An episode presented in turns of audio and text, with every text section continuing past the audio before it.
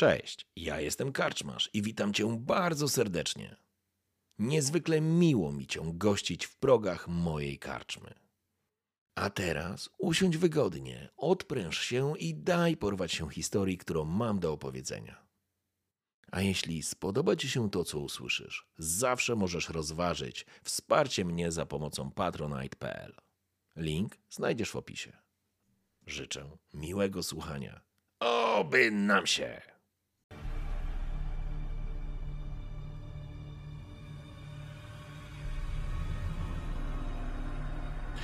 Ostatnie tygodnie dla Nasira to właściwie podróż w nieznane. Powiedziałbym, że błąkał się bez celu, ale to nieprawda. Nasir wpadł w swego rodzaju vortex chaos. Nasir przestał być mądrym Wiedźminem. Nie dlatego, że zabił tego dzieciaka w załuku mariborskim, ale dlatego, że bezpowrotnie stracił szansę na to, żeby zerwać się ze smyczy. A ten ktoś na końcu tej smyczy bardzo wyraźnie ściągał ją do ziemi, rzucając Nasirem jak psem. Właściwie kontrolując Nasira jak psa. Ten okres dla naszego Wiedźmina jest okresem, powiedziałbym, slajdów. Sam Nasir nie do końca wie, co robi, co robił, gdzie był i tak naprawdę dokąd zmierza. Pojedyncze wspomnienia, jakby wyrwane z z nie swojego snu. Cały czas kroczą za Nasirem. Miecz, który zdobył na kostuchu, świetnie się sprawdza. Chyba był w kilku wioskach, chyba robił jakieś zlecenia, ale nic godnego uwagi. Poza jedną rzeczą.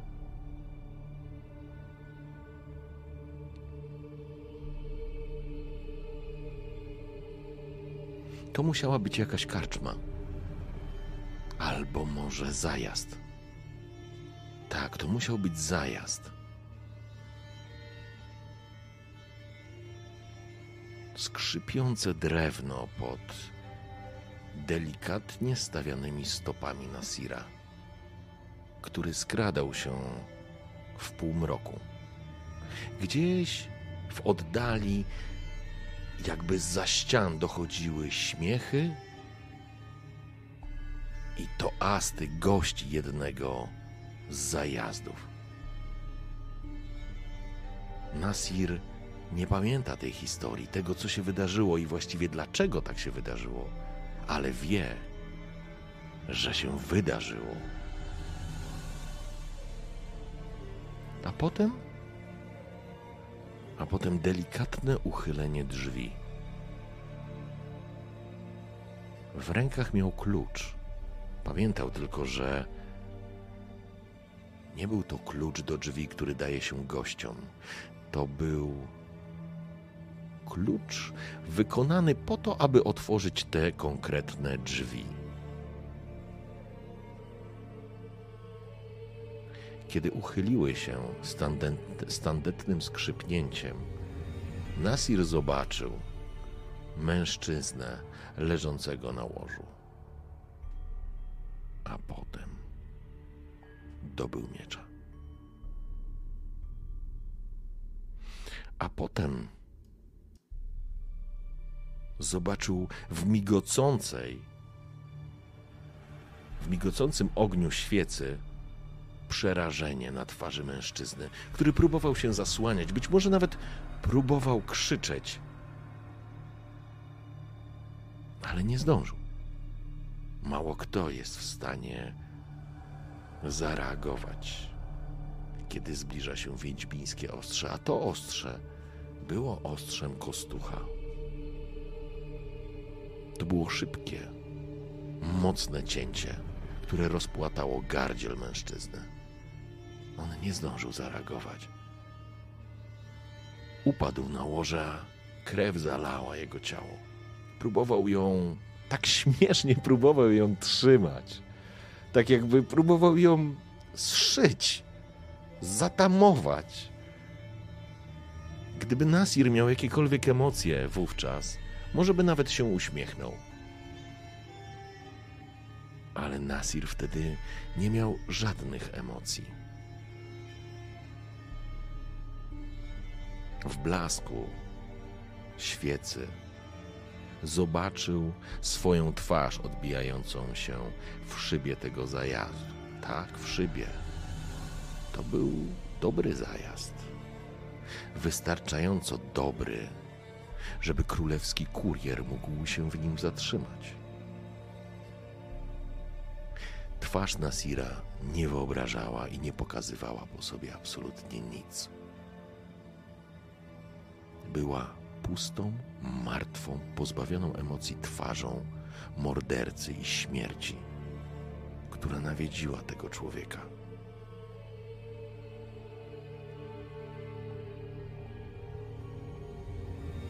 A potem.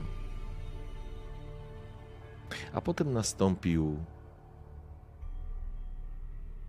szereg różnego rodzaju wydarzeń, podróży, można byłoby rzec. I takiej sytuacji, w której widzicie Nasira w zupełnie innym zajeździe, w zupełnie innym miejscu. Siedzi na prostym łóżku, które nie jest już tak wytworne, jak to, w którym zarżnął tego mężczyznę.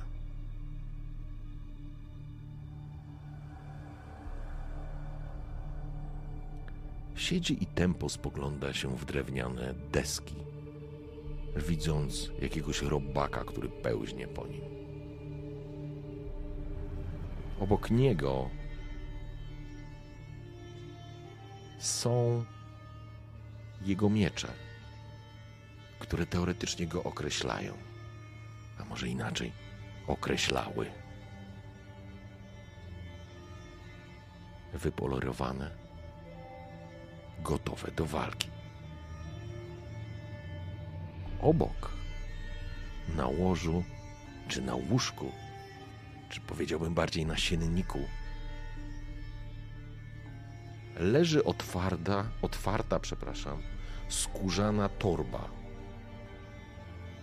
ozdobiona insygniami królewskiego kuriera,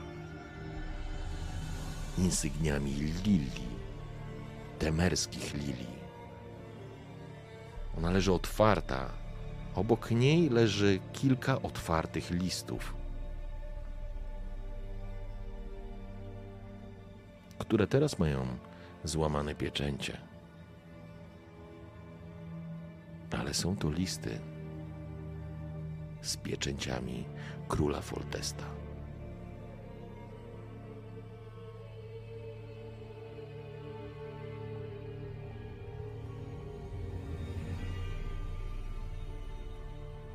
Nasir beznamiętnie w to patrzy, jakby zupełnie nie zawracał sobie głowy tym, co zrobił i tym, że przed nim leżą królewskie rozkazy. To jest dla niego nieistotne. On jest napędzany jakąś siłą, potrzebą, powodem, dla którego działa. Czymś zaszczepionym mocno w jego głowie, czymś, z czym sobie Nasir nie jest już w stanie poradzić. I wie, że wykonuje polecenia, i wie, że nie wykonuje swoich poleceń. Po prostu Nasir zrobił to, co kazał mu jego pan na drugim końcu smyczy, który ściągnął skórzaną smycz do ziemi, a kolczasta obroża wbiła mu się w gardziel. Nasir nawet nie skomli, bo Nasir nie rozumie, że jest na końcu tej smyczy. A potem potem towarzyszono mu Chciałbym powiedzieć wspomnienie, ale nie. Nasir teraz nic nie pamięta. Pamięta jedynie potężną warownię Izgol Gefalail, czyli szkołę skorpiona gdzieś na południu. Słyszy stukot skorpionich odnóży po marmurowej posadzce. Ale jest tylko psem na końcu smyczy.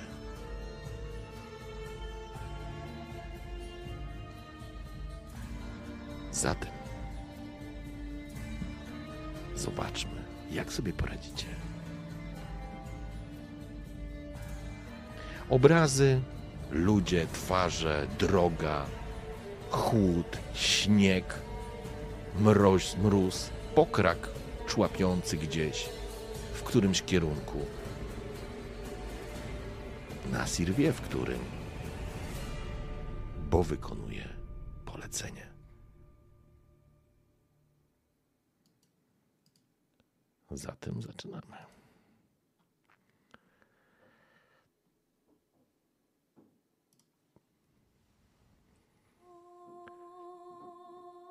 Odzyskujecie świadomość. Tak, jakby jakby ktoś wyrwał was ze snu. Jakby to wszystko, co się wydarzyło, było tylko jednym wielkim snem. A ta krótka chwila, w której świadomość do was dochodzi, jest tą chwilą unikalną w skali ostatnich tygodni, a może miesięcy? Szczerze mówiąc, nie macie pojęcia ale siedzicie przy stole i orientujecie się, bo w końcu Nasir to mądry wiedźmin, że prowadzicie rozmowę ze swoim rozmówcą, rzecz jasna. Mężczyzną, która siedzi, mężczyzną, który siedzi, przepraszam, po drugiej stronie stołu. Ma w srebrnym widele, a srebrny widelec nabija kawałek jakiegoś kapłona, po czym odcina srebrnym nożem, wpakowując sobie to mięso do ust. Jest mężczyzną dosyć młodym, powiedziałbym. O dobrze przystrzyżonej brodzie. Nie jest specjalnie majętny, ale zachowuje się tak, jakby nie brakowało mu pieniędzy. Jednak jego szaty nie są szatami, które przykuwają uwagę. Powiedzielibyście, że patrząc na tego mężczyznę, nigdy byście nie pomyśleli, że kiedykolwiek z nim rozmawialiście. Ten człowiek jest podobny absolutnie do nikogo. Ale uśmiecha się, a jego szare oczy lśnią w blasku kaganka, który wisi nad wami. Jesteście w pewnej takiej alkowie, więc rozmowa wydaje się być prywatna. Ale wy, kochani, nie macie zielonego pojęcia, kim jest wasz rozmówca, gdzie wy jesteście, po co tu jesteście i co właściwie tu robicie. Spoglądacie przed siebie, na talerzu macie też jakiegoś kapłona, a może kawałek dziczyzny jeszcze, może kopę ziemniaków i piwo. No, no, no, panie Wiedźminie.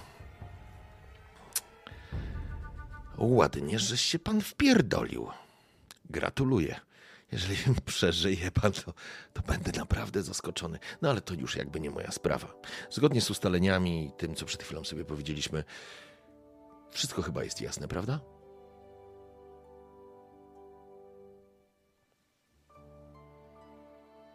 Spoglądacie się w tego mężczyznę, który wygląda jak rodowity temerczyk. I nie macie zielonego pojęcia o co chodzi. Co robicie?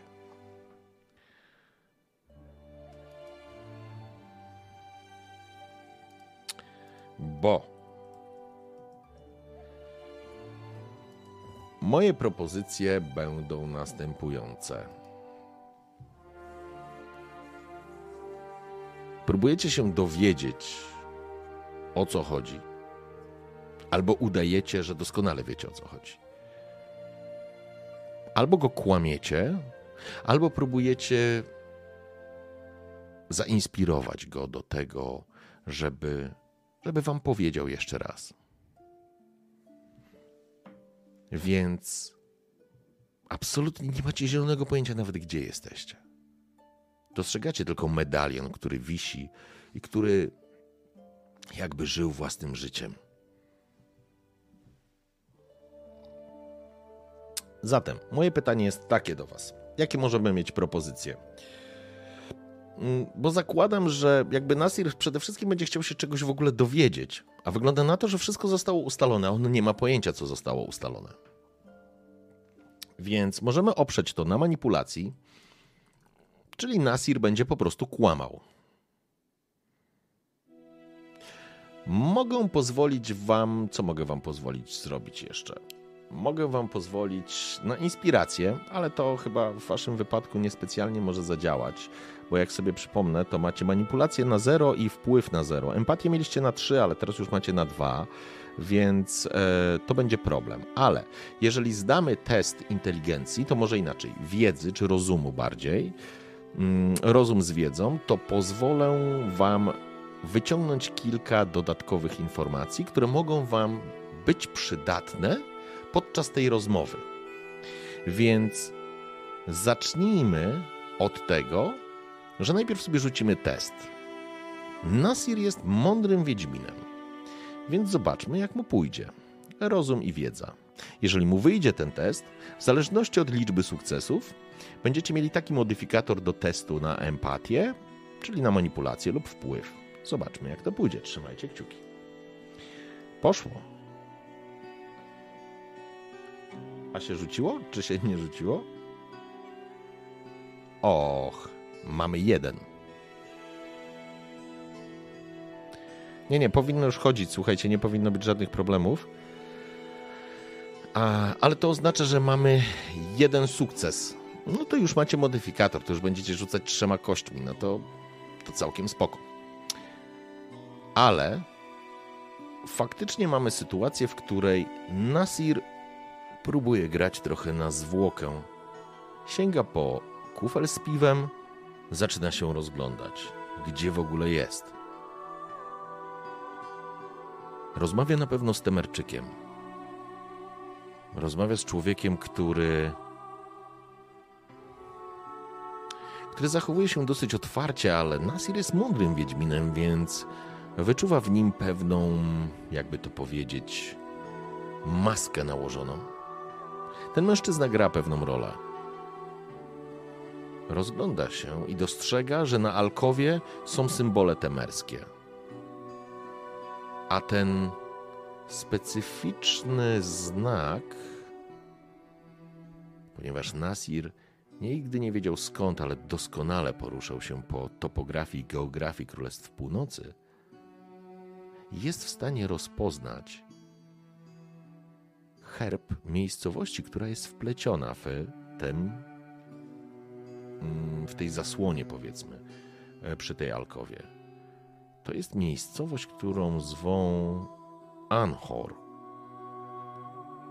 I to jest miejscowość kilka dni drogi na zachód, przepraszam, na wschód od gór Zwelen. Jak tu trafiłeś? Na Sirze nie masz zielonego pojęcia.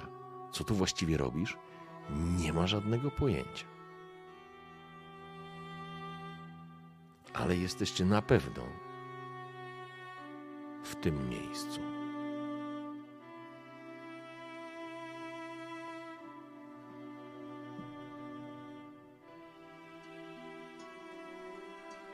A ponieważ jesteście mądrym Wiedźminem, to pozwolę wam to wyciągnąć w waszym teście. Bez różnicy, czy będziemy rzucać manipulację, czy inspirację, nie ma znaczenia. Poziom jest dokładnie taki sam. Więc, więc będziemy, nawet nie będziemy teraz tego głosować, po prostu rzucę test i zobaczymy, gdzie jesteśmy. A test będziemy rzucać, przyjmijmy na manipulę. E, czy macie bimber jeszcze? Dobre pytanie, czy macie bimber jeszcze? A rzućmy sobie kostką. 1, 3 macie, 4, 6 nie macie. Nie macie. Bardzo mi przykro. Nawet teraz mogliście zerknąć sobie w swoją torbę i nie ma. Tego bimbru nie ma.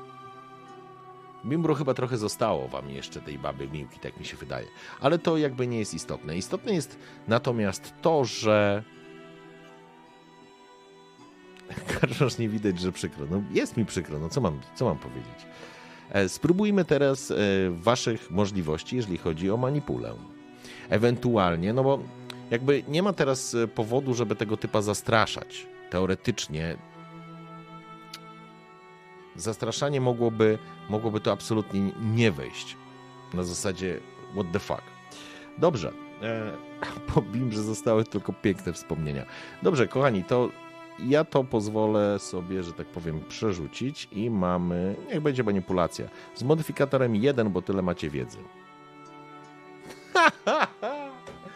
to nie wierzę. Nie wierzę. Udało się.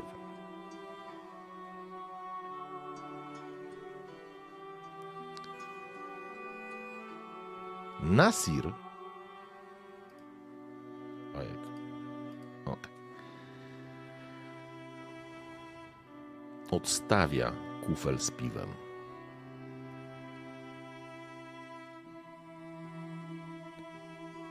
Spojrzał na chusteczkę. Było wyszyte na chusteczkę litera P w rogu, jakby inicjał.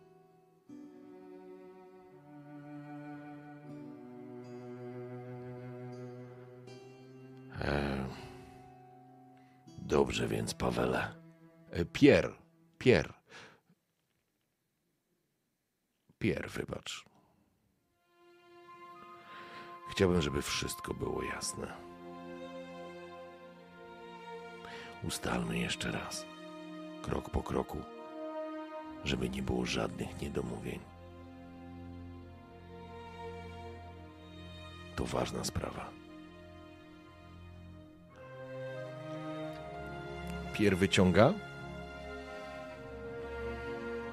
odstawia kielich z winem. Skrupulatny. Hmm. Rozumiem, rozumiem. Dobrze. Lepiej powtórzyć dwa razy niż ani razu, zatem niech tak będzie. Więc posłuchaj, Wiedźminie.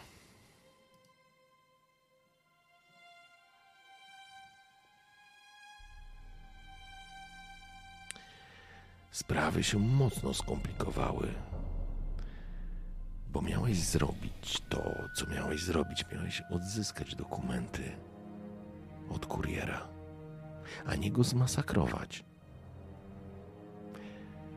Niemniej jednak ostatecznie masz to, co miało być do zdobycia. Ale dzięki sposobowi, w który to zrobiłeś, postawiłeś na nogi wszystkie służby wewnętrzne Temerii. Razem z tym popierdoleńcem Vernonem Roche.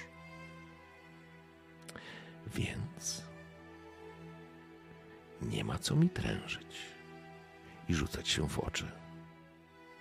Bo jeśli dopadną cię, to będzie po sprawie. Ale jestem Twoim kontaktem i miałem, i miałem Cię skontaktować z punktem docelowym tej historii. A mianowicie dokumenty, które posiadasz, muszą trafić do Gorswellen. Dostarczysz ten list do kupca Fergusa La Terok. Znajdziesz go w tawernie Syreny w porcie morskim. A kiedy już mu to przekażesz, upewnisz się, że bezpiecznie wsiadł na statek. Oczywiście, robiąc, robiąc wszystko,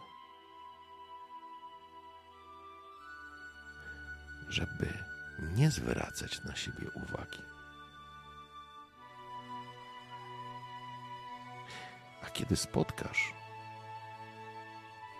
kupca, przygląda się wam uważnie, jakby sprawdzał, czy aby na pewno notujecie.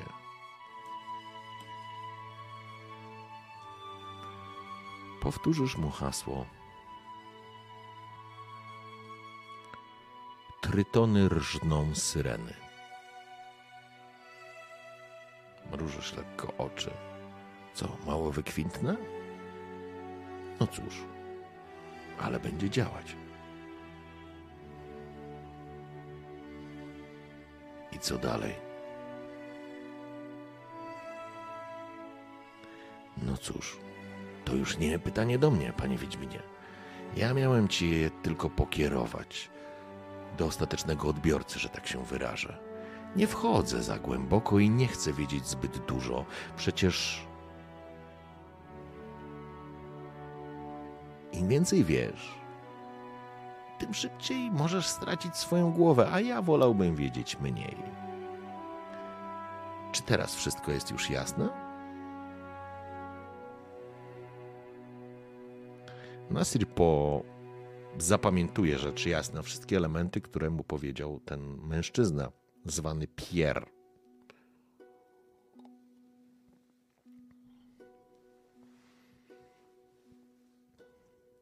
To wyśmienicie. Sugerowałbym jak najszybsze ruszenie do Gorswellen. Kupca będzie można znaleźć tam przez najbliższe pięć dni. Podróż konno powinna zająć ci 3 do 4 dni, w zależności jaką habetę dosiadasz. A potem prościutko do portu morskiego. I jeszcze jedno. Pamiętaj. Służby szukają cię. Może nie do końca ciebie, ale Roż potrafił wyżynać skojatel w środku ich własnych dziewiczych lasów. Więc jak myślisz? Ile zajmie mu czasu, aż wpadnie na twój trop? A z ciekawostek, to nie Rosza powinieneś się obawiać najbardziej.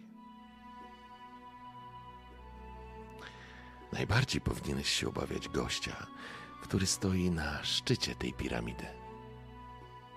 I wiesz, co jest najzabawniejsze, Wiedźminie? W całej kurwa Temerii nikt nie wie, kim on jest.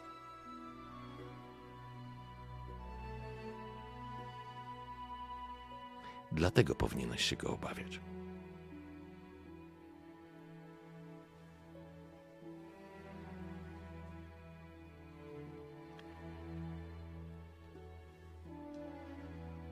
Jeśli oddam te dokumenty, to co dalej? Nie wiem. Nie wiem. Ale pochyla głowę nad stołem. Wszyscy służymy cesarzowi i złotemu słońcu, co? Pora na mnie. Rachunek jest uregulowany, po czym wstaje.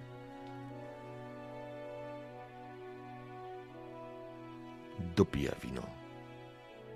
Życzę udanego wieczoru, Wiedźminie.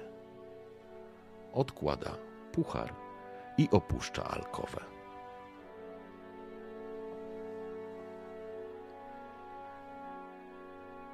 Nasir chyba trochę stracił apetyt.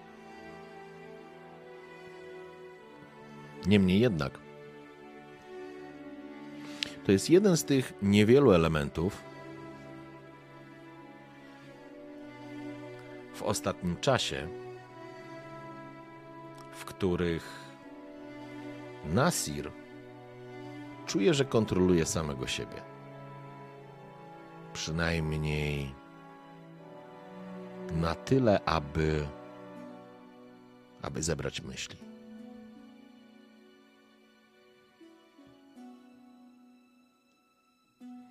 Spoglądacie na torbę podróżną, która jest u waszych stóp. W środku znajduje się kilka waszych rzeczy oraz listy, które pozyskaliście od tego kuriera królewskiego.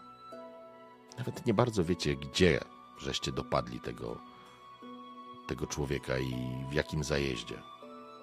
I właściwie dlaczego, to już też chyba nieistotne. Istotne jest to, że, że macie przy sobie coś, co jest.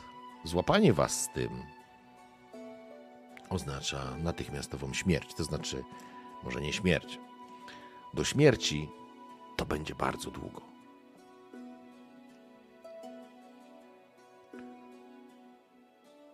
Nasir niespecjalnie pamięta te wydarzenia, które miały miejsce wcześniej. To znaczy, ma straszne braki z ostatnich kilku tygodni. Ma wrażenie, że, że to, co się wydarzyło w Mariborze, wydarzyło się lata temu.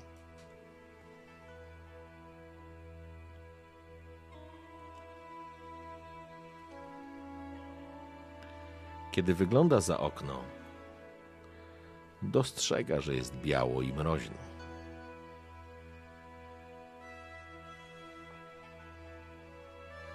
Po czym pociąga kufel z kufla.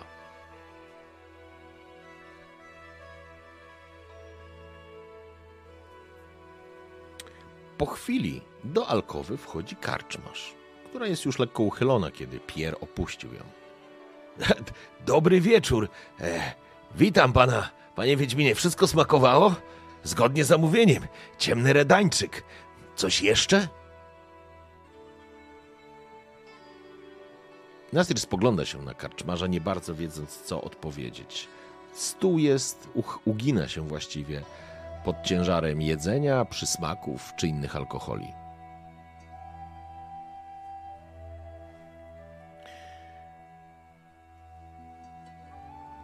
Czy dam wam jakiś ten, dam wam jakąś ankietę. Zbieracie informacje. Zbieracie informacje, wyruszacie w drogę albo szykujecie się w takim znaczeniu, czyli w drogę wpiszę. Um, macie jakiś pomysł, czaty? Daj jakiś rozwój na epicką śmierć. Rozwój? Normalnie byście dostali 5 punktów expa, ale za, za, za, za, za popchnięcie fabularne. Zresztą 5 punktów i tak by wam nie wystarczyło na nic konkretnego, a piątki byście nie dostali, więc jakby nie ma większego znaczenia. Czy coś robimy, słuchajcie? Macie jakiś pomysł? Dawajcie, czaty. za poprzed... Za poprzednią sesję mamy minus 5.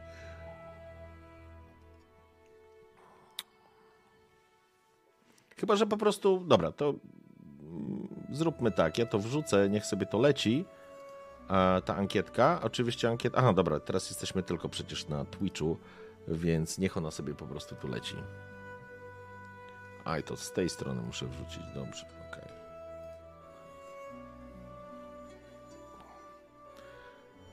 Tak, punkt fabuły. Seta i galareta. Seta i galaretę macie, więc myślę, że tutaj jakby jakby niewiele się dzieje.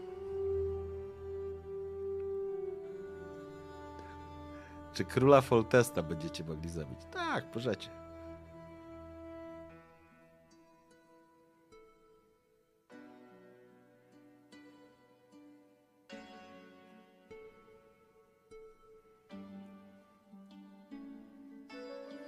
Meduza z lornetu. Wygląda na to, że chcecie dostać jeszcze jakieś informacje. Okay.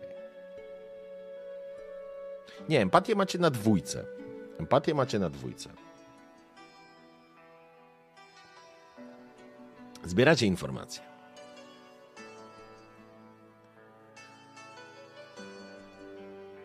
Nasir obraca się w stronę karczmarza, po czym spogląda się prosto mu w oczy, e, powodując, że ten natychmiast się peszy i, i jakby robi trochę krok do tyłu. Karczmarzu, czy. Czy jakieś niepokojące wieści? Czy gości po gościńcach nie jeżdżą ludzie, którzy szukają kogoś? Może ktoś był, może ktoś się pytał, hmm? może coś się dzieje, o czym warto wiedzieć przed wyruszeniem na szlak. Kaczmarz się trochę zmitygował. Jak ja czytam wasze komentarze, to jest... Ojejku. Kaczmarz się zmitygował, po czym spojrzał na, na Wiedźmina.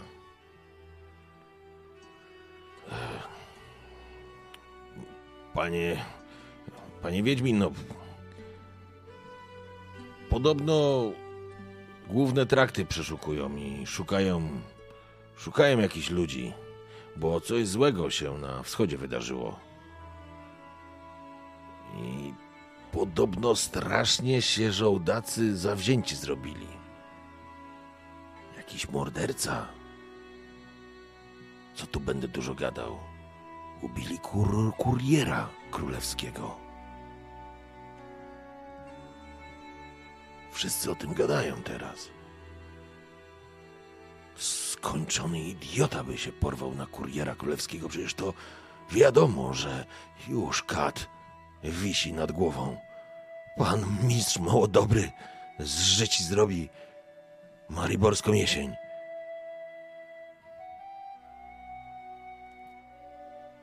Ale szukają kogoś konkretnego? Czy szukają? A skąd mi wiedzieć, panie? Wiedźminie, skąd mi wiedzieć? Ja jeno prowadzę karczmę tu w Anchor. No ale słyszałem, że... że strasznie zawzięci.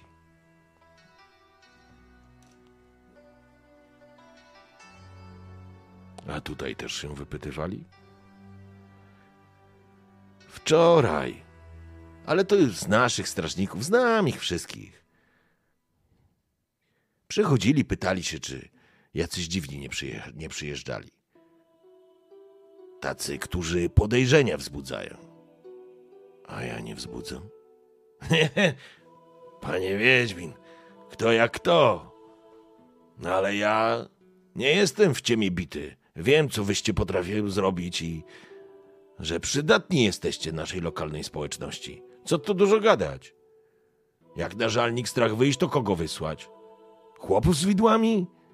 Czy lepiej Wiedźmina, mistrza w swym fachu, który rukcuk sprawę załatwi? Stąd... Co tu w Anchor w ogóle się dzieje? Przecież to dziura zabita dechami. Wszyscy i tak do gór i bieżą. Tam przynajmniej można czarodziejki pooglądać.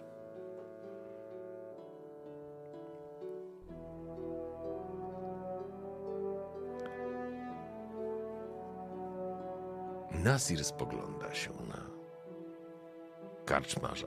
Chyba już nic więcej ciekawego nie jest w stanie wy od niego wyciągnąć. E, coś jeszcze przynieść? Mam jeszcze gołąbki robione, pyszne. Spoglądacie tylko na stół zastawiony jedzeniem. Poczekajcie, czy wam teraz coś przycina, słuchajcie?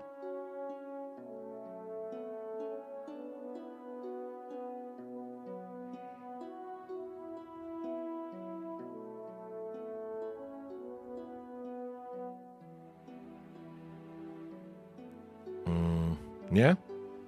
Okej, okay, spoko, bo ja już mam stresa po prostu, nie? Okej. Okay.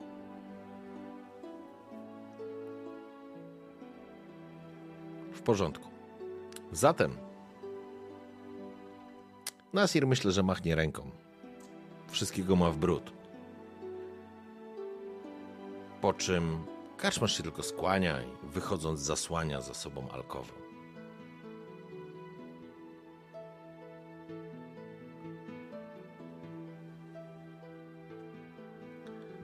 Spoglądacie się w okno. Tutaj okiennica jest lekko uchylona, tak żeby wpadało świeże powietrze. Dostrzegacie wśród ciemności, jak zaczyna pruszyć śnieg.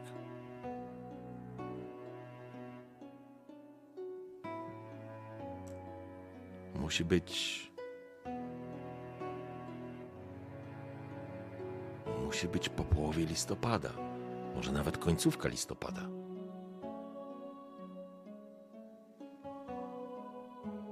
Spoglądacie w ciemność.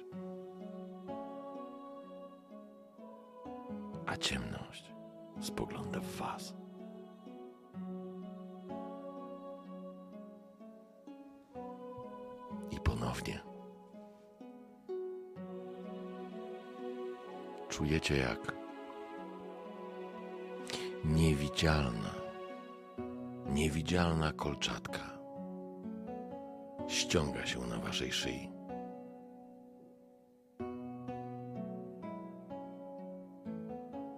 ktoś po drugiej stronie smyczy.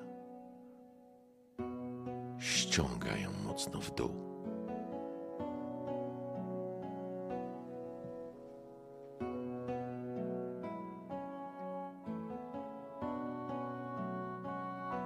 Medalion zadrżał.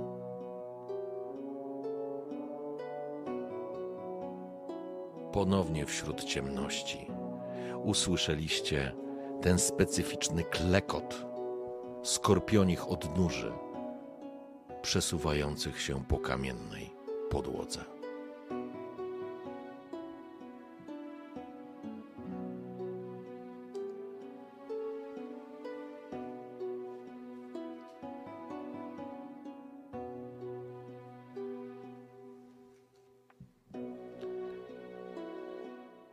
Gorzwelen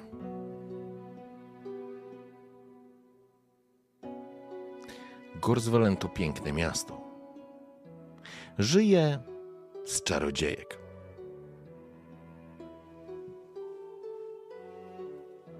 Wokół szkoły magii aretuzy jest skupione.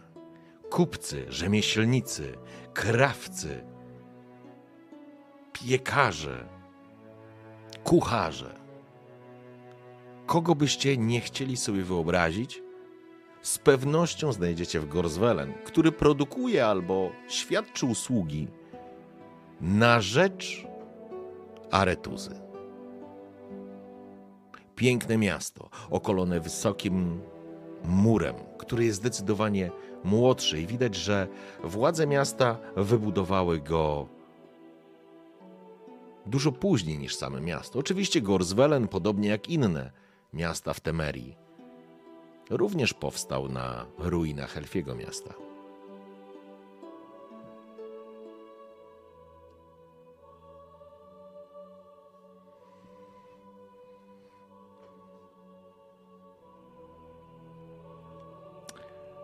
Przechadzając się po pięknym Gorzwelen,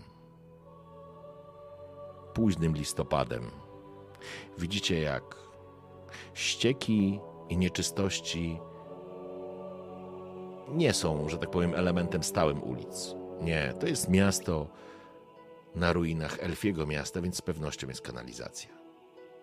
Nie zmienia to jednak faktu, że jest błoto, jest ciapa, jest chlapa. Ludzie okutani przechodzą w jedną, w drugą stronę. Jest potężny targ, potężny ratusz z kogutkiem u góry i wielki, wielki port morski do którego przybijają statki z Kowiru, z Nowigradu, a potem płyną dalej do Cintry i jeszcze dalej na południe do samego Nilfgardu.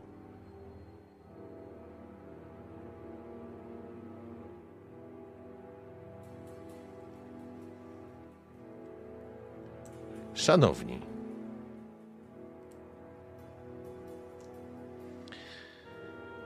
To jest moment, w którym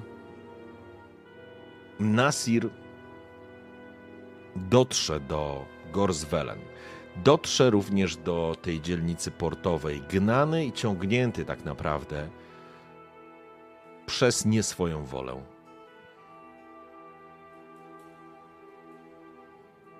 I ja myślę, że on on znajdzie bez problemu tawernę Syrena.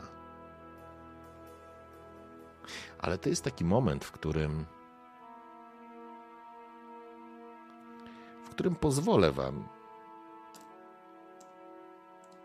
podjąć decyzję, co będziecie chcieli zrobić. Pytacie się o, o to, co widzi, co pamięta Nasir. Ja myślę, że Nasir pamięta Matyldę i Kamil. Pamięta je jako bardzo odległe wspomnienie. Tak to odbiera, chociaż to nie jest tak, że wymazano mu pamięć. Absolutnie nie.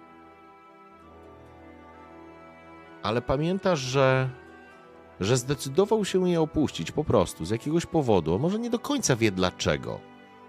On generalnie porusza się teraz tak jak wy wiecie, że się porusza na smyczy. Nasir tego nie wie. On ma pewien problem z tym, że gdzieś się pojawia, że ma w sobie zaszczepioną potrzebę zrobienia czegoś i wykonuje tak naprawdę działania, które nie są jego elementem. To nie jest coś, co on wymyślił, to nie jest coś, co on e, zaplanował. Ma tego świadomość, że w jakiś sposób coś, w czymś uczestniczy, ale nie jest w stanie powiedzieć sobie, co to jest i co, co nim powoduje. Jedyna rzecz, której ufa, to wiedźmińskie miecze. Jedyna rzecz, której wierzy, to medalion, który wisi na jego piersi. I pamięta, jak opuszczał Maribor z takim przeświadczeniem, że zabawa w rodzinę dla Wiedźmina to jakaś abstrakcja i paranoja. że dał się zwieść, że miał jakieś chwilowe. Chwilowo się zapomniał. Jakąś pomroczność jasną dostał. Czy ciemną. Tak czy siak, po prostu w pewnym momencie jakby zaczął rozumieć i jakby układać sobie w głowie, jak absurdalne w ogóle były te wydarzenia. Czy on planował związek z czarodziejką i szczęśliwe wychowywanie Matyldy? I co, może jeszcze domek na wsi i pole do, do, do, do obrobienia? To znaczy, że ta wizja jest dla niego absurdalna. I on wiedział o tym, kiedy opuszczał Maribor. Wiedział, że dał się porwać chwili. Bo może nie namiętności, bo nie było tam namiętności. Może obudziło się w nim jakieś dawno zapomniane uczucie.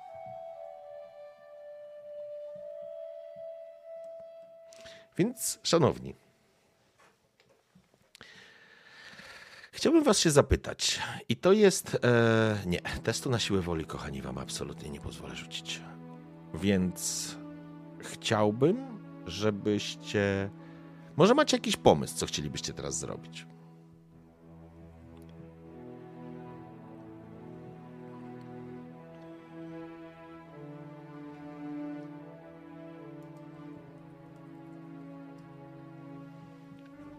Macie jakiś pomysł? Jesteście w Gorswellen. czujecie jakiś wewnętrzny imperatyw mówiący o tym, że powinniście się spotkać z tym kupcem, ale to jest jeden z takich momentów, w których po prostu ta świadomość się wasza przebija i, i wy wiecie, gdzie jesteście. Pamiętacie rozmowę z tym Pierem, więc wiecie, dlaczego tu jesteście, wiecie, kogo szukacie, wiecie, co macie powiedzieć i wiecie, co macie mu oddać. Tak naprawdę, co jest waszym celem wizyty w Gorswellen. Utopić się. Utopić się albo sepuku.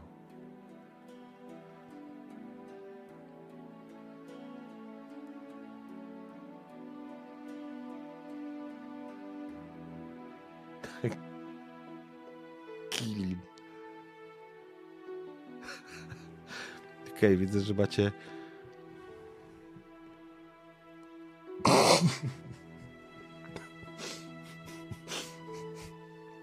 Wy jesteście straszni.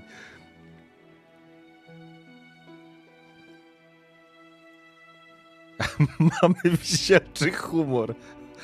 Ojejku.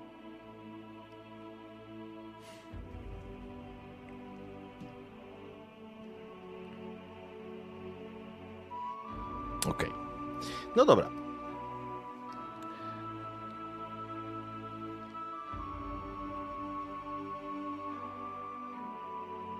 Może czas oswoić psa. Dobra, słuchajcie. Eee, dobrze, po prostu pchnijmy to dalej.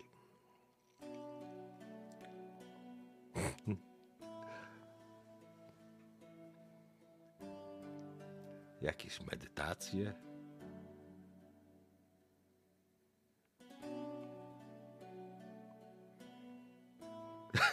Idziemy do Zamtuza. On je romantka, to dobry pomysł.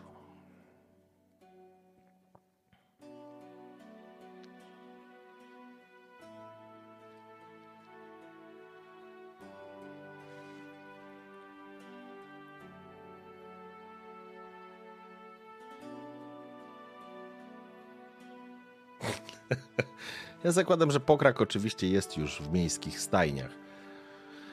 Więc, więc na pewno już podróżujecie teraz już na piechotę. Hmm.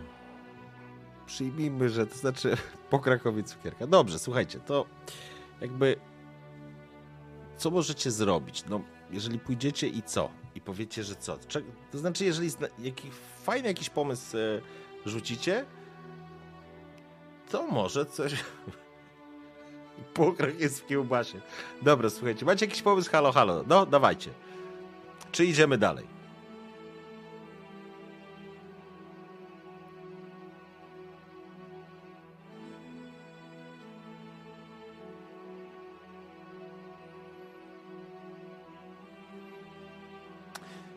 Z kupcem jest też taka formuła, bo tak naprawdę musicie się z nim spotkać. Hehedix, w ogóle jesteście w tej sytuacji, w której Nasir nie czuje absolutnie żadnej potrzeby ściągania medalionu. Co więcej, to jest jeden z dwóch elementów, który go określa i dla niego jest niezwykle ważny.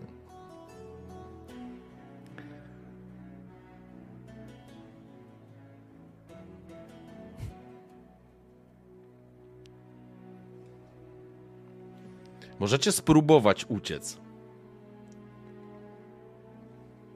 To znaczy, możecie spróbować odejść. Bierzemy sobie Wolę nie spotkać Karolej. Eee, Kamil, ona się nazywała Kamil. Dobra, słuchajcie, to ja wam rzucę taką ankietę, zobaczymy, co z tego wyniknie.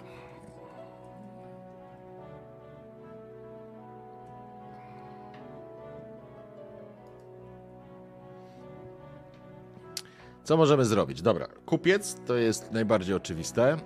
Druga rzecz. E... Wolałbym się. Z... Nie idziemy do kupca, czytam, co to za dokumenty i próbujemy komuś sprzedać.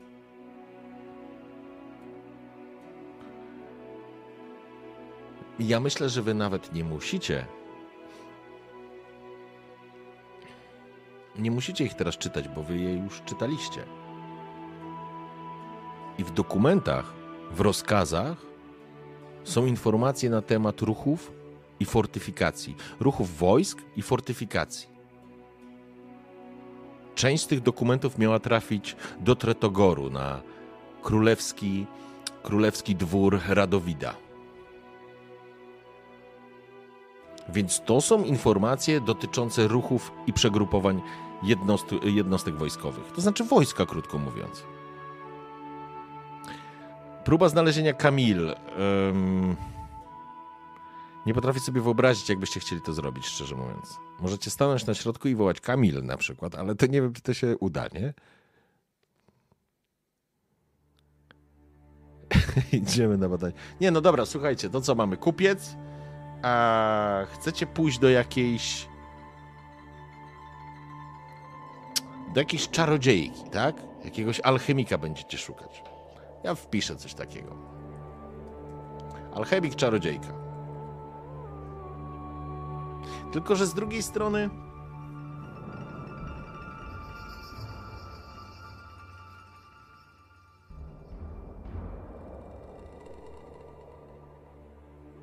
Okej. Okay.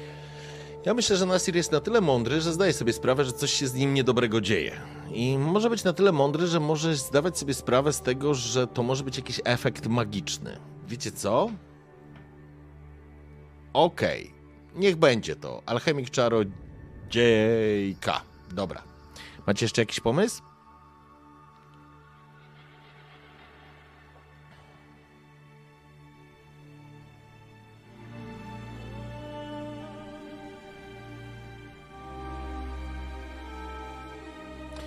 Ja to wręcz mamy informację, nas przyjął z otwartymi rękoma.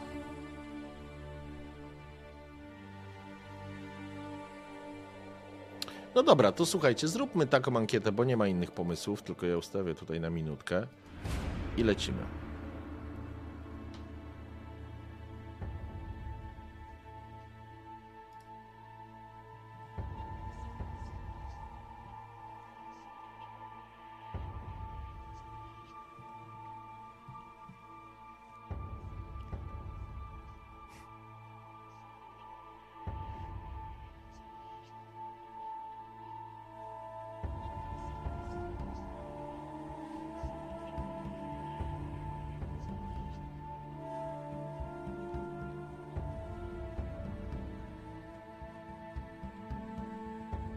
Do łącznika iść od razu? No to jest kupiec.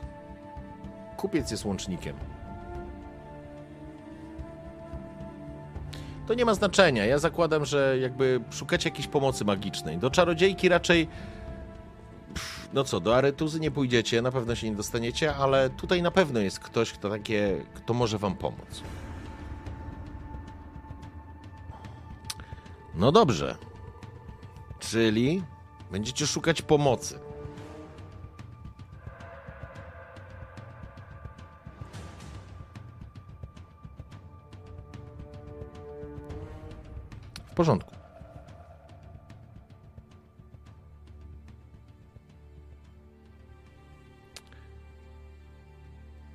Nasir czuje taki wewnętrzny imperatyw, coś, co go. co go jakby niemalże przymusza do tego, aby, aby ruszył do tawerny Syreny.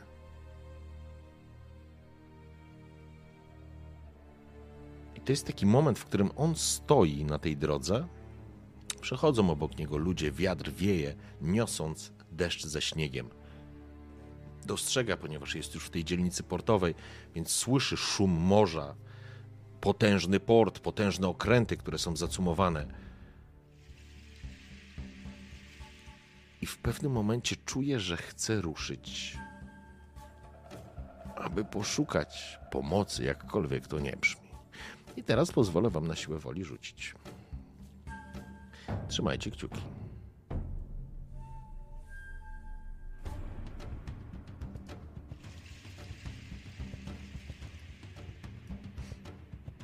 Nasir, siła woli. Ej, wy macie trzy kostki, bo wy zainwestowaliście w wolę ostatnio. Nice. Dobra? Brawo, patrzcie jakie macie rzuty, kochani. Słuchajcie, no super, fantastycznie. I pomimo takiego mocnego imperatywu, który, który przyciskał Nasira do podjęcia jedynej słusznej decyzji, w pewnym momencie jakby Nasir potrząsnął głową, jakby sam ze sobą się nie chciał zgodzić. I, i odbija. rusza wzdłuż ulicy. Tak jak powiedziałem, to Gorswellen, duże miasto portowe. Właściwie chyba trzecie co do wielkości. Wyzima, Maribor i to jest Gorswellen, jak dobrze kojarzę. Być może was w błąd wprowadzam, ale, ale wydaje mi się, że jest faktycznie trzecie. Maribor jest na pewno drugim miastem po Wyzimie. W każdym razie, idąc pomiędzy uliczkami, które pomimo zimowej pory, świecą na wystawach pięknymi materiałami, pięknymi towarami. To wszystko jest skierowane dla mieszkanek wyspy Tanet. I widać, widać, że tylko najbogatsi mogą sobie pozwolić.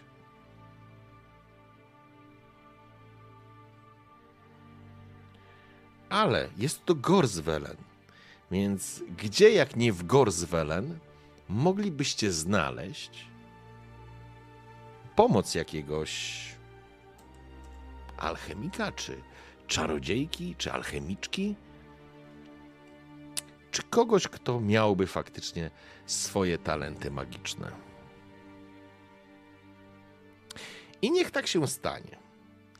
Pokrążyliście troszeczkę po tym mieście i w pewnym momencie docieracie do bardzo ładnej i zadbanej kamienicy, która opatrzona jest szyldem wskazującym, że tutaj można uzyskać pomoc magiczną, nazwijmy to, jakkolwiek bym to chciał nazwać, bo to na pewno nie będzie sklep alchemiczny. A może to będzie sklep alchemiczny? Niech to będzie sklep alchemiczny. Okej, okay. więc będzie to czarodziejka. Kiedy otwieracie drzwi, natychmiast unosi się specyficzny dźwięk, jakby dzwonka, ale oczywiście tego dzwonka nad drzwiami nie ma.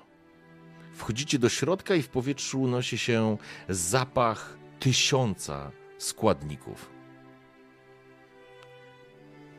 Wasze nozdrza wyłapują specyficzne zioła, ale nie tylko, również inne składniki wykorzystywane w tej sztuce. Przed wami pojawia się kobieta, która jest rzecz jasna olśniewająca. Wygląda przepięknie. Jest ubrana w długą zieloną suknię. Ze skromnym dekoltem, co może nieco dziwić.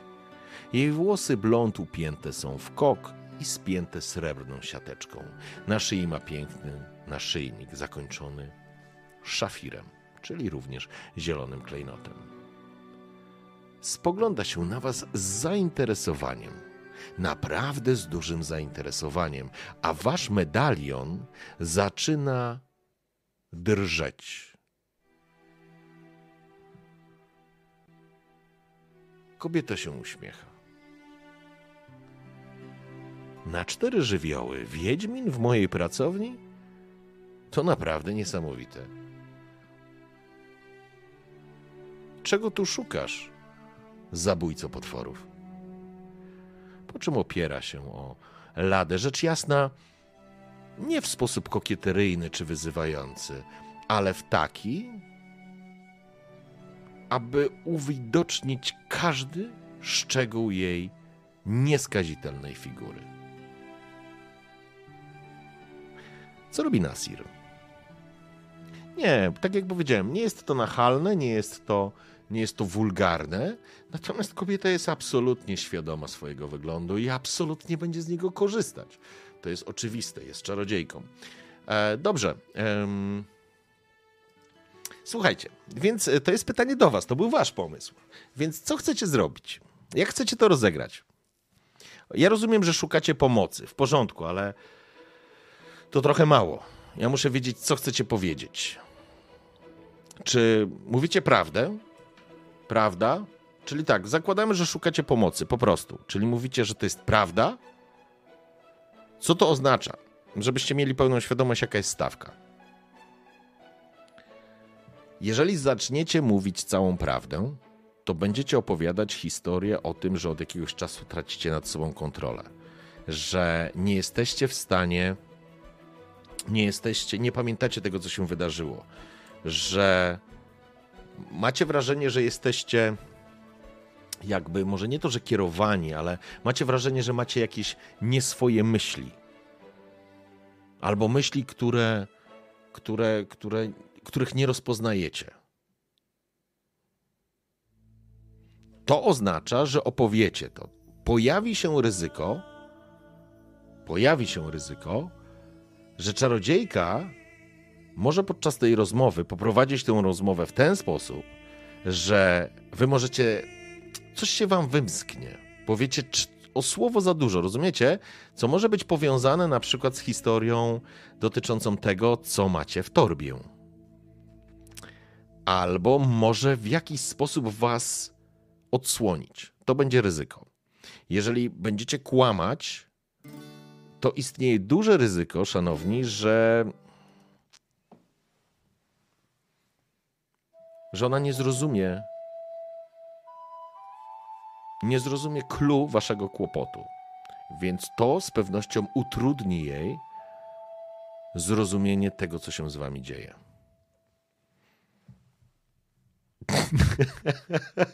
Słuchajcie, jak ja. Pokaż mi swoje towary. E, słuchaj. e, także słuchajcie, tak to, tak to jest. Czyli tak, y, to jest prawda, a tu jest takie prawda i ściemnianie. Prawda, nie cała prawda. O, nie cała prawda. To znaczy, że Nasir będzie ukrywał newralgiczne elementy, żeby absolutnie nie wydać, e, żeby, żeby się, że tak powiem, nie odkryć. I tutaj będzie miał sytuację, w której się nie odkryje, ale z kolei czarodziejka będzie miała większy kłopot, żeby mu pomóc. Prawda, półprawda, gówno prawda. Eee, dobrze. Zacznijmy. Zatem ankieta leci. No jeszcze teoretycznie możecie wyjść, nie? Zdecydować się, że wyjść, ale nie dałem tego w ankiecie, więc jeżeli faktycznie byście chcieli uciec, to po prostu mówcie.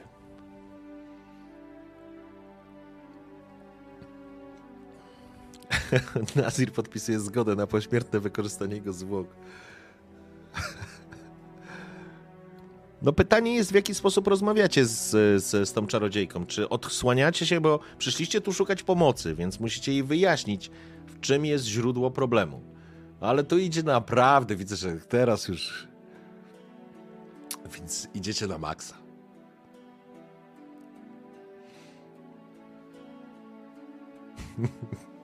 Cudownie.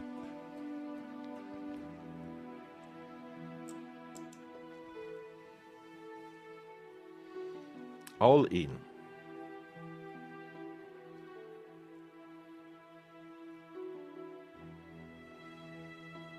Prawda.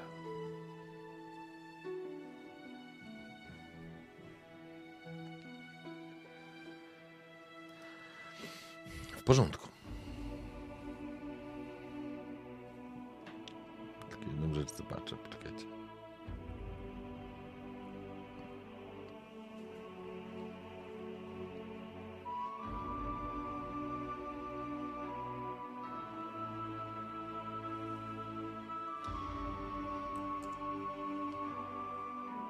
Nasir, gdyby mógł być zmieszany, to byłby zmieszany, ale jest Wiedźminem. Więc nie potrafi być zmieszany. Spogląda prosto, a jakże, w zielone oczy czarodziejki.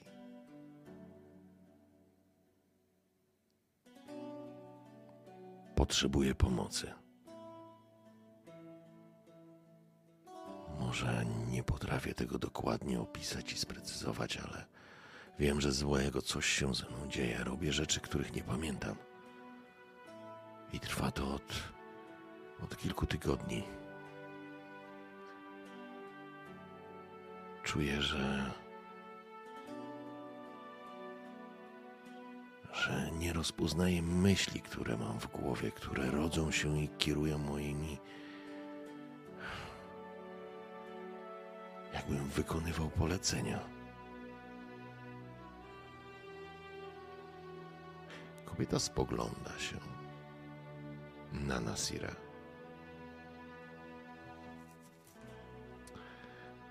Rzućmy, szanowni, na, na wpływ. Rzućmy na wpływ. Znaczy, najpierw rzucimy na wiedzę. Dam wam taki bonus. Rzućmy najpierw na wiedzę, zobaczmy, bo Nasir to mądry chłopak. Och. Nasir chyba faktycznie może nie poczuł stresu, bo się nie stresuje, ale chyba ma świadomość, że coś złego się z nim dzieje. Dlatego nie potrafił zebrać myśli. Dlatego nie pomoże mu. Więc rzucamy na wpływ i macie tylko dwie kości.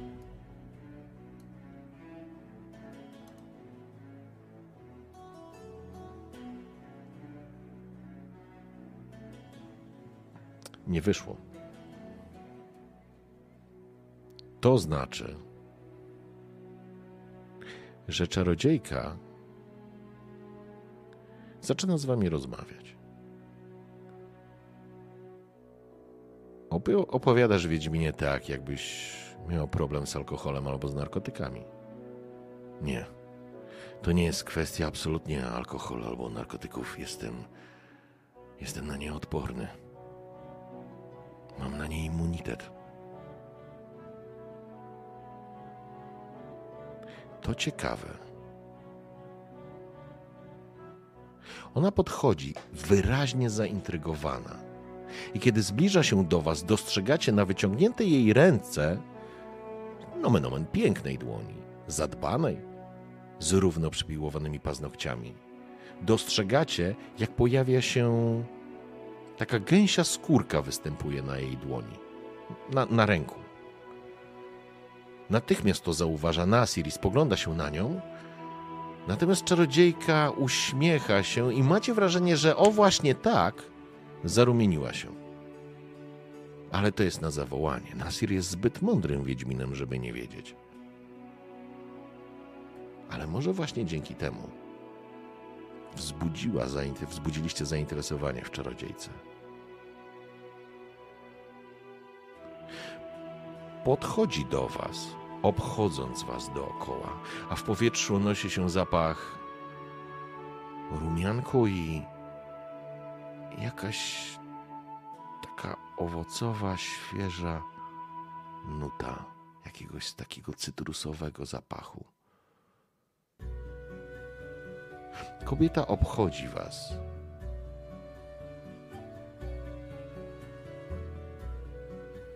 Wyczuwam mocną aurę magiczną od ciebie, Wiedźminie. A z tego co wiem, jeżeli nawet posługujecie się magią, to raczej dosyć uproszczoną, żeby nie powiedzieć kuglarską. Składamy znaki. Ale na tym się kończą nasze umiejętności magiczne.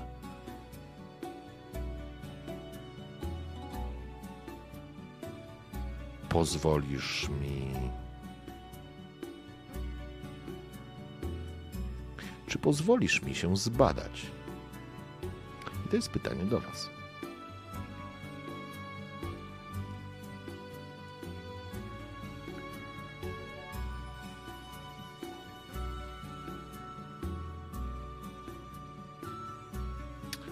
Lecimy z ankietą. Ankietka już leci. Co to znaczy? To znaczy, że ona będzie źródła szukać tej magii.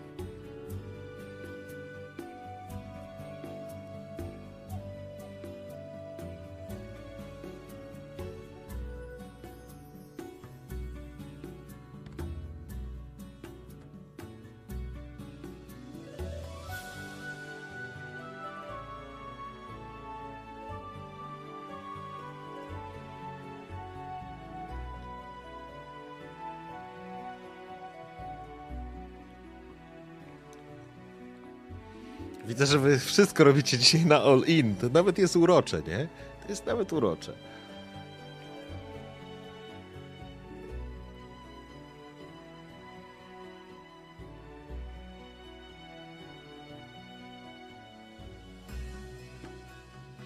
No, 97%. 94%. Okej. Nasir wyczuwa w powietrzu jej zainteresowanie. Jej zainteresowanie jego osobą, ale to raczej nie chodzi o niego jako o mężczyznę. On jest wiedźminem, on jest mutantem. Ta wiedza jest starożytną wiedzą i każdy czarodziej oddałby wiele, żeby móc, jakby to powiedzieć, zbadać Wiedźmina?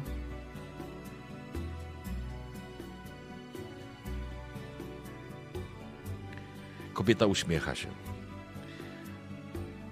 A więc, Wiedźminie, jeśli chcesz, żebym ci pomogła, musisz mi pozwolić. Musisz pozwolić mi się wysądować, zbadać. Muszę znaleźć źródło tego problemu i być może ci pomogę. Nie ukrywam, że fascynujesz mnie. Ale nie myśl proszę kutasem, bo to banalne i błahe. Interesujesz mnie, bo jesteś mutantem.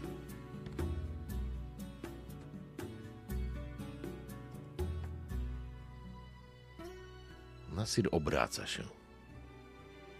Trudno go w jakiś sposób sprowadzić do parteru, ale Nasir zdaje sobie sprawę, że jego zegar tyka. Że za chwilę może przestać kontrolować tu i teraz. I co wtedy się stanie? Nie ma na to czasu. Gra tak, jakby jutro miało już nie być dnia. Skina głową. Rób, co uważasz za stosowne. Nie mam dużo pieniędzy. Ale jeśli mi pomożesz, obiecuję ci, że ci to wynagrodzę. Kobieta uśmiecha się, pokazując piękne, białe, równe zęby.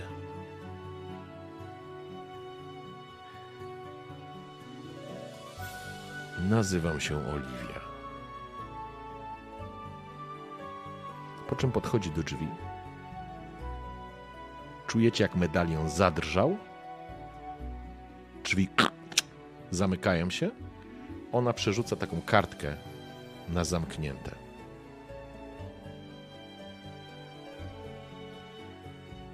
Zapraszam.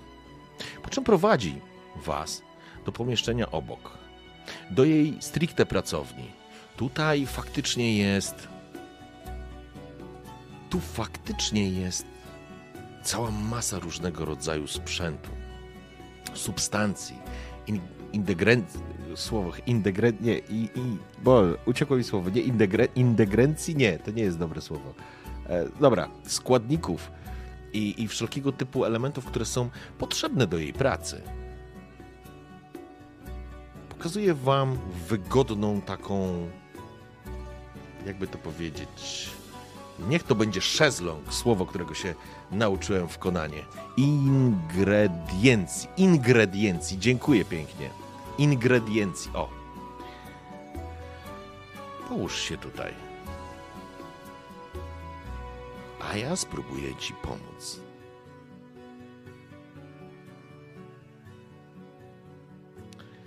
Nasir siada, ściągając miecze, ściągając kurtę, kładzie na krześle. Opiera się na szezlongu. Kobieta zaczyna wypowiadać jakieś słowa i czujecie, jak wasz medalion drży pod wpływem mocy. Zaczyna powoli zachodzić słońce. To jest już zima, więc szybciej zapada ciemność. A Oliwia zaczyna przygotowywać jakieś utensylia.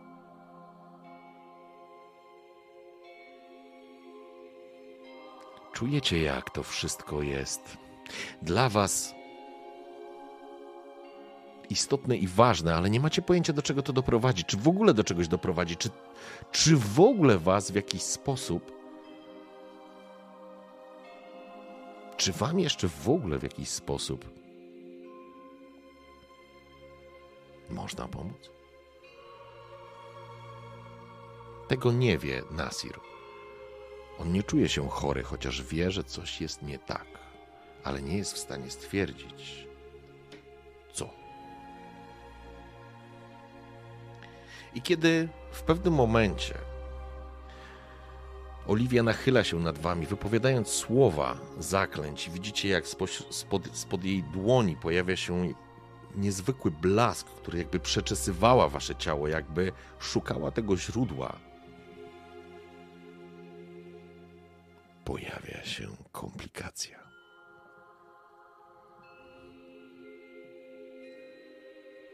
Rzucam na wolę.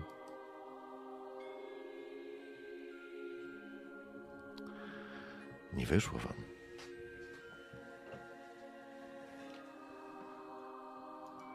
Nie wyszło wam.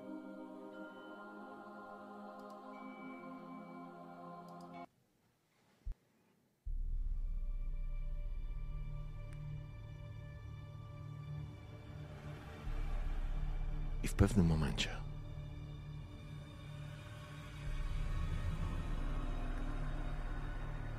wasze oczy wypełnia ciemność.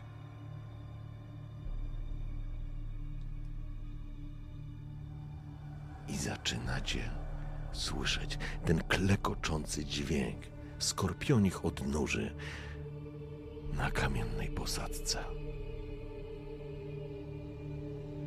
Nadchodzi ciemność na Sirze. Kiedy otwierasz oczy, dostrzegasz przerażoną twarz Oliwii, która unosi dłonie nad medalionem, który drży. On je rzuca się po waszej klatce piersiowej, jak, jak ryba. Ona jest przerażona i dostrzegacie, jak ten medalion zaczyna się rozkładać. Znowu. A z medalionu wypełza ciemność. Ciemność, która przeraża Oliwię, która nie spodziewała się, że po drugiej stronie może być pan tej smyczy, który nie lubi, kiedy ktoś grzebie przy jego zabawkach. I w pewnym momencie, kiedy wśród ciemności syczenie zbliżającego się skorpiona zaczyna wypełniać wasz umysł, Dostrzegacie rozszerzone oczy z przerażenia i widzicie, jak ciemność uderza w twarz pięknej, zielonookiej Oliwii. Jak cień wpływa przez jej nos, przez otwarte usta, przez oczy i przez uszy. I jej skóra, taka żywa, taka piękna, zaczyna blednąć. Widzicie, jak żyły zaczynają czernieć i wybijać się spod jej półprzeźroczystej skóry, a oczy są przerażone przerażone są, bo nie wiedzą, co się właśnie dzieje.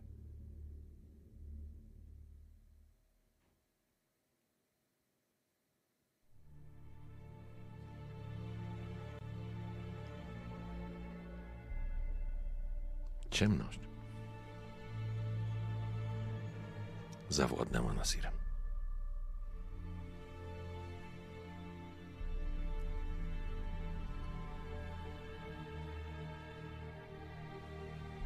Good shot. Jestem z was dumny. Mieliście fajny pomysł.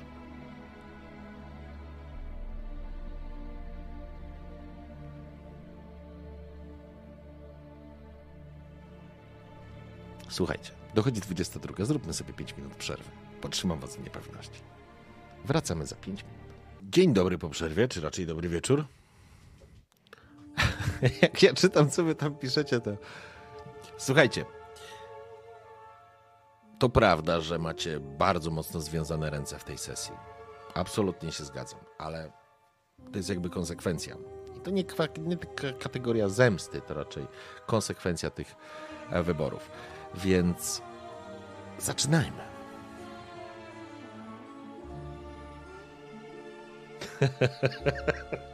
ja nie mogę z waszych komentarzy. Dobra, słuchajcie, kochani. E, wracamy w takim razie do, do nas.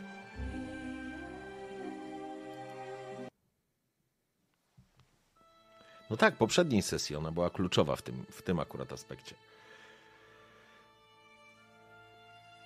To nie groźba, to obietnica, dokładnie. Słuchajcie.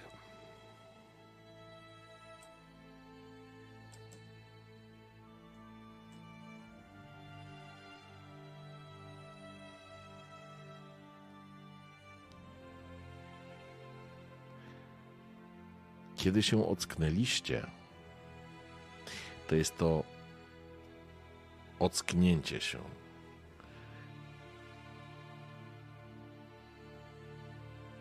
To nie jest tak, że wy się budzicie. Po prostu jest tak, jakbyście. Jakbyście mieli dwie osobowości w głowie. jednej absolutnie nie kontrolowali, a drugą, tą waszą, jakbyście mieli coraz bardziej spychaną gdzieś w podświadomość. I w zależności, która z tych osobowości, nazwijmy to tak ilustracyjnie, obrazowo, jest za sterami, to ciało Nasira wykonuje te polecenia.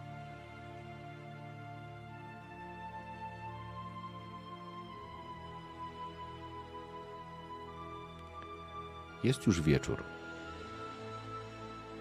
Księżyc powoli przebija się za chmur.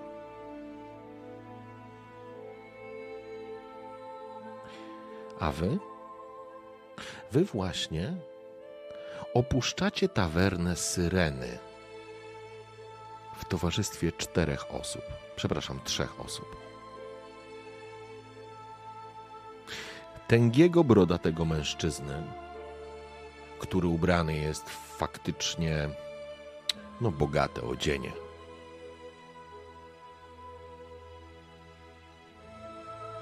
Widać klejnoty na palcach, w sensie pierścienie na palcach, gruby łańcuch z jakimś klejnotem. Poprawia piękny płaszcz, który obszyty jest futrem. Spogląda się na was, ma potężną nalaną twarz i rudą brodę. Nakłada na siebie taką futrzastą czapkę. Obok niego idzie dwóch ewidentnie ochroniarzy. Ewidentnie to widać natychmiast.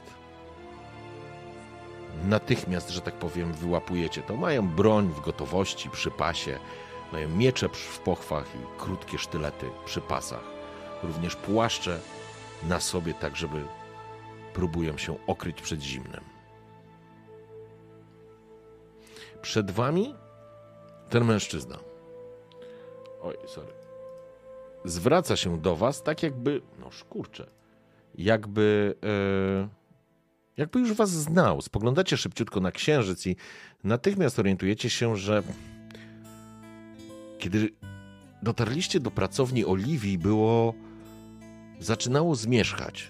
A teraz ten księżyc jest już w miarę wysoko, więc nie jest jeszcze w zenicie, ale minęło od tego czasu dobre 5-6 godzin? Nie wiecie, co się wydarzyło ostatecznie z Oliwią.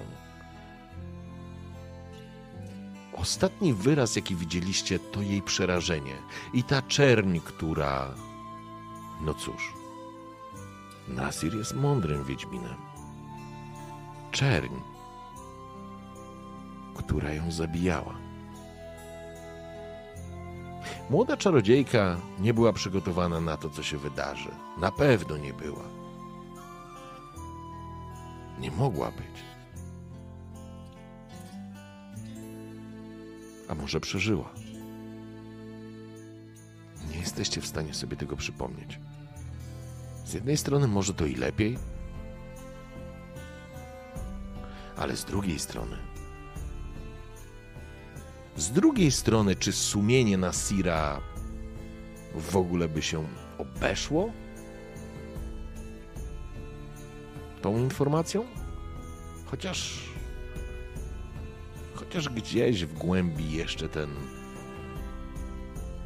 Cząstka tego Nasira pewnie jest. Pewnie właśnie to ona wypowiada w waszej głowie to pytanie, co z tą Oliwią? Zielonooką Oliwią w zielonej sukni z turkusem na małym dekolcie. Nie pozbawię was całkiem sumienia. Z dwóch powodów. Jeden jest taki, że przez długi, naprawdę długi czas Nasir starał się kierować tym sumieniem.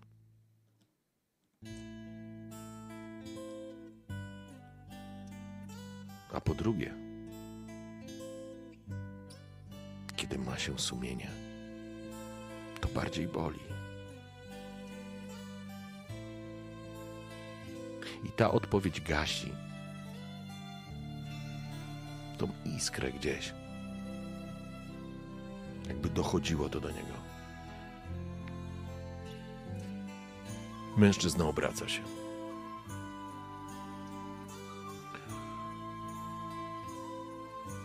Panie Wiedźminie, zgodnie z umową musimy ruszyć. Ja muszę wsiąść na swój statek. Mam swoich ochroniarzy, ale obecność Wiedźmina chyba pan rozumie.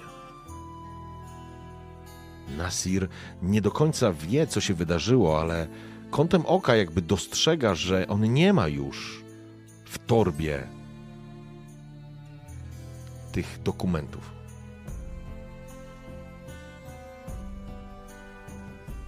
A myślę, że kupiec, kupiec, który tu stoi, mm, kupiec, którego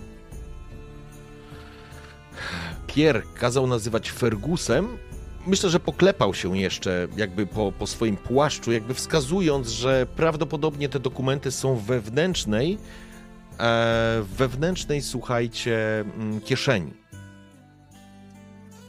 I Nasir po spotkaniu z Pierem on doskonale wie, co się, na co się pisał, więc potrafi się bardzo szybko odnaleźć w tej sytuacji.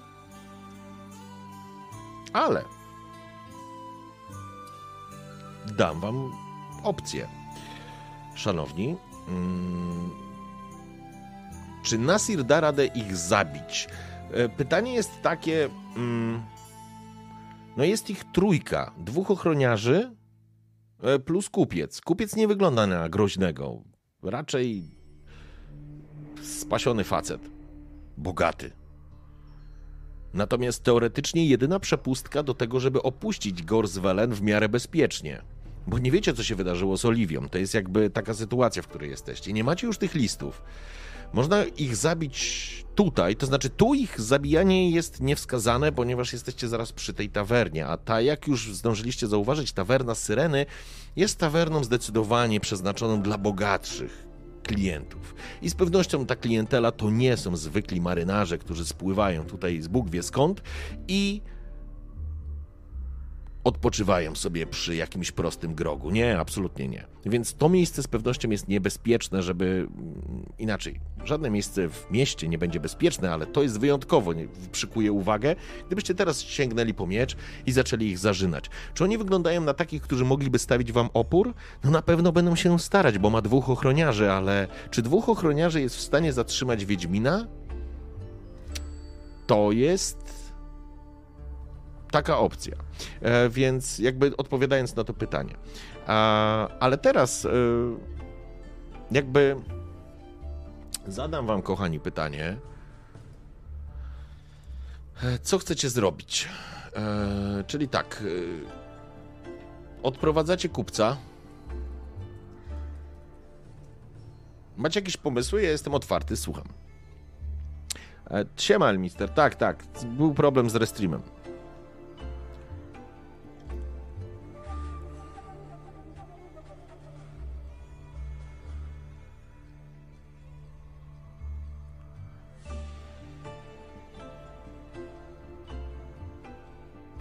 Czyli co, będziecie odprowadzać kupca, czy planujecie się go pozbyć po drodze?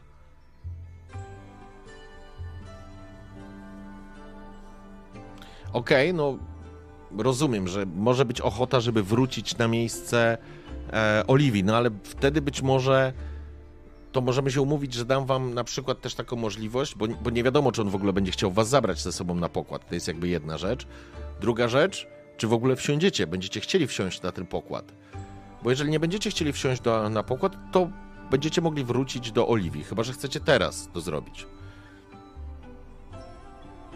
Pozbyć go po drodze, dowiedzieć się, co wie o naszym pracodawcy od medalionu. E, słuchajcie, to ja jeszcze dam taką mm, kwestia informacji. To są informacje i zostawmy te informacje, jakby po prostu Nasir podczas drogi będzie próbował pociągnąć go trochę za język. No bo mogę wam dać jeszcze tą opcję, że chcecie się go pozbyć, ale to jest cholernie ryzykowne tutaj, przynajmniej tu na miejscu, nie? Myślę, że go również nie zostawicie jakby w kategoriach takie, a teraz już sobie idź, a my sobie pójdziemy sprawdzić Oliwię, nie? Dobra, puszczam taką ankietę.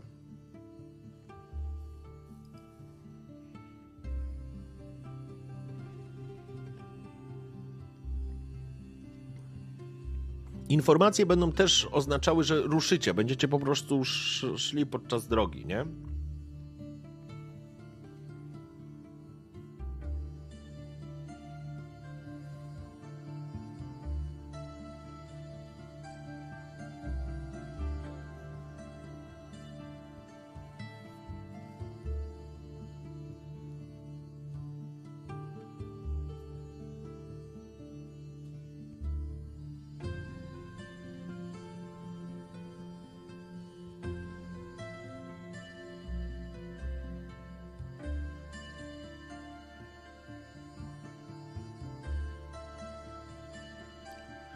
Informacje będą najprawdopodobniej dobrze.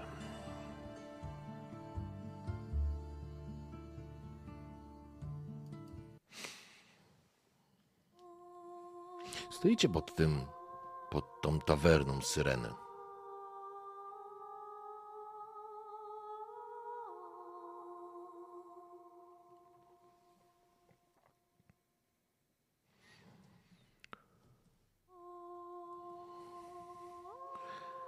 Panie Fergus,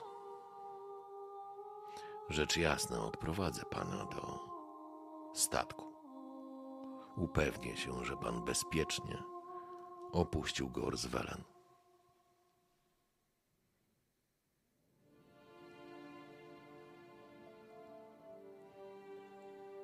Myśli pan, że te informacje będą ważne z punktu widzenia naszego pracodawcy? To jest moment, w którym będziemy rzucać test, kochani.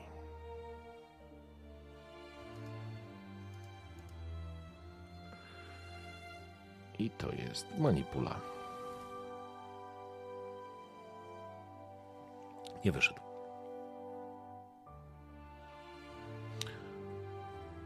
Kupiec spojrzał się na was. Panie Wiedźminie, tak tutaj teraz? Chce pan o tym rozmawiać? Już tu ściany mają uszy. Musimy jak najszybciej opuścić to miasto. No rzecz jasna, te informacje są na pewno kluczowe. Ale nie będę o tym rozmawiał tutaj i teraz.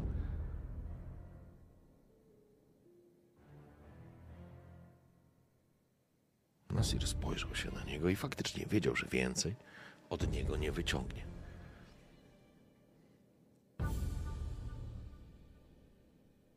Ruszyliście.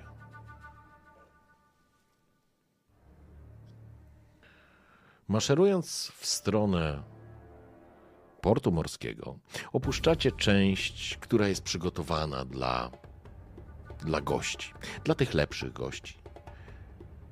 I ruszacie w stronę wybrzeża, w stronę Molo, w stronę um, zacumowanych w porcie okrętów. Uliczki, którymi teraz już idziecie, zdecydowanie są bardziej opustoszałe. Oj, zdecydowanie. Zresztą jest już noc, a wy idziecie dzielnicą portową. Mężczyźni, ochroniarze, jakby przyjęli swój standardowy, jakby formację. Jeden idzie z przodu, drugi zamyka pochód. A wy idziecie obok kupca. Kupiec, już to zdążyliście zauważyć, niespecjalnie pewnie się czuje. E, widać po nim i pokazuje każdym elementem swojego ciała, ruchu, oddechu, czy szeptaniem sobie, samemu mamrotaniem czegoś sam do siebie. Kupiec Fergus jest przerażony. Absolutnie jest przerażony i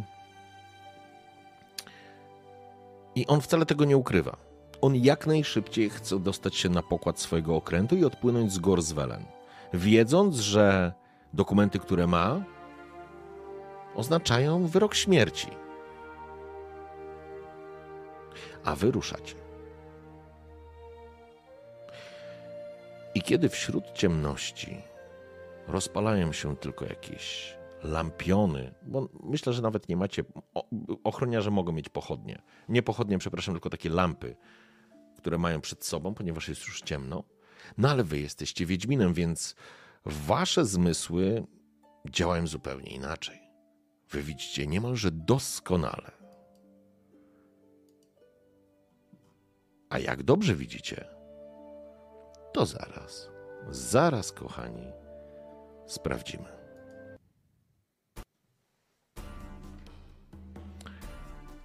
Rzucamy na spostrzegawczość.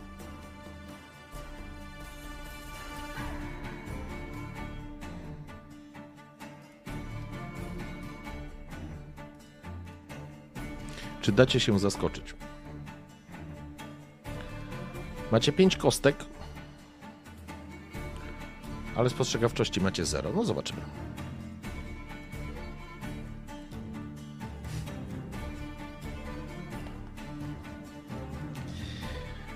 Kości wam nie sprzyjają dzisiaj. Dobrze. Co się dzieje?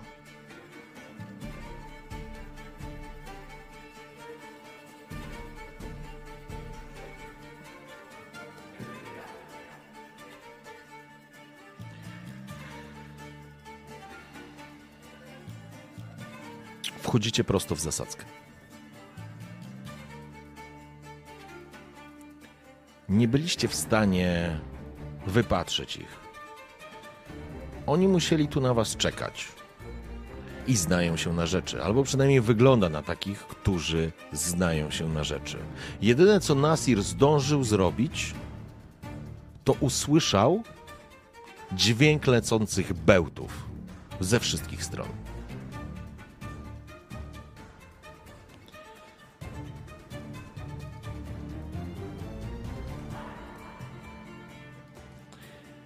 I teraz zaczynamy się bawić. Ten z dziewiątej będzie strzelał na pewno w ochroniarza. Dwunasta i pierwsza będzie strzelać w Nasira, natomiast powiedzmy ta siedemnasta będzie strzelać w drugiego ochroniarza. Zobaczmy jak pójdzie. Lecimy od lewej do prawej. No to pierwszy.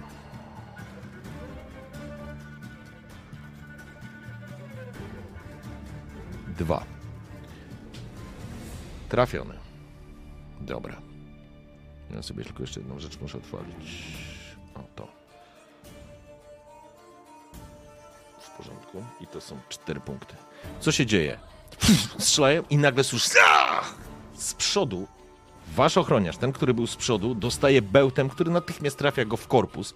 Facet się łapie za bok i przyjmuje na siebie no, całkiem, całkiem, całkiem znaczące, znaczące obrażenia sięgając natychmiast, próbuje sięgnąć do, do miecza i krzyknąć zasadzka, ale jest już za późno, bo dwa kolejne bełty teraz lecą w Nasira. Jeden i drugi. O oh, fuck. I to jest 4-5. E, przepraszam, 4 e, i 3. To ile to jest? To jest 6. Tak? 6 i 5. O Boże, to jest 11. Och. A... Nasir.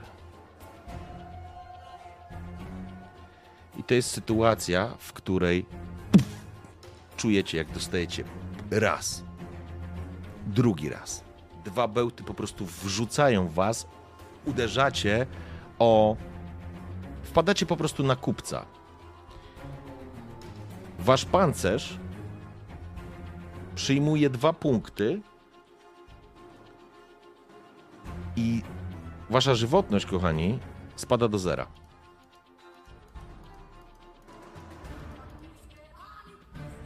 Spada. Nasir dostał dwa bełty. Więc Nasir ostatecznie dostaje, słuchajcie, 5, 11, minus 2, 9 punktów obrażeń. To wszystko wpadło w Nasira, po prostu dostał. Mechanicznie stoicie na nogach. Każde dodatkowe obrażenia będzie wchodzić w obrażenia krytyczne. I ostatni typ, którego będzie, w którego będą strzelać. A, moment. Moment. Gdzie on? Tu jest. O! Ostatni bełt, który został wystrzelony z za, za waszych pleców, nie trafił i pomknął gdzieś w ciemność. Teraz zaczyna, zaczynacie krzyczeć, to znaczy ochroniarze zaczynają krzyczeć, że zasadzka i zaczynamy, słuchajcie, zaczynamy zaczynamy naszą grę.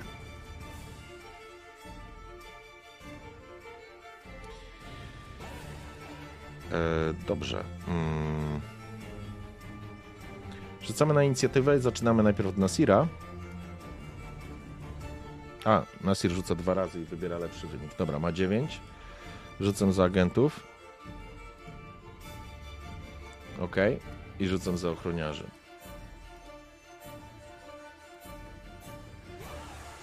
O proszę, ochroniarze będą pierwsi. W porządku. Dobra, czyli tak. Nasir zaczyna, później będą ochroniarze, a na końcu będą agenci. Szanowni, witajcie w piekle. Mężczyźni, którzy was ostrzelali, część z nich ruszy do walki, do bojów, po prostu będzie próbowała z wami walczyć, was dobić, natomiast część będzie przeładowywać broń. Zatem, co robi Nasir? I to jest pytanie do was. Ja mam informację, że wy macie jeszcze pół jaskółki. Chyba tego nie wypiliśmy. Więc, e, więc przyjmijmy, że macie te pół jaskółki, a ja zobaczę, a ja puszczam ankietę. I teraz tak, co możemy zrobić, słuchajcie. Pytanie jest takie. E, pytanie jest takie, o. E, czyli tak, jaskółka to będzie szybka akcja. Wypijecie szybką, wypijecie, wypijecie po prostu jaskółkę i będziecie mieli jeszcze jedną akcję, ale tu już nie zaatakujecie, bo będziecie musieli dobyć broni, co jest już dla was automatycznie sytuacją, w której stracicie wolną akcję, więc nie zaatakujecie, ale możecie wolną akcję zamienić na złożenie znaku i na przykład rzucenie Quen.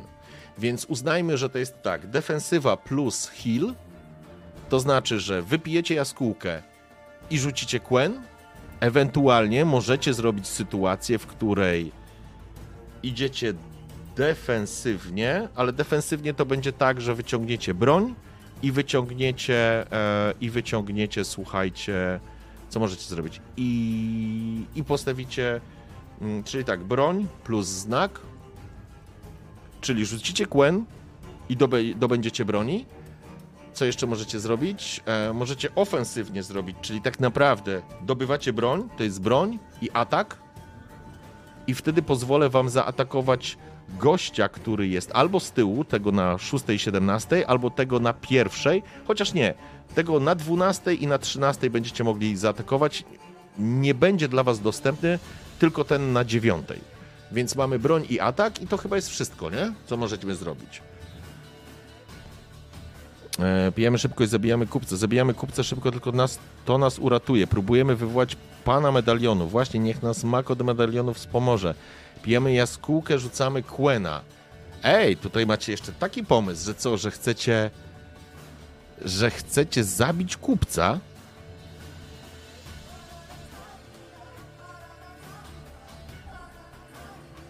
Okej. Okay.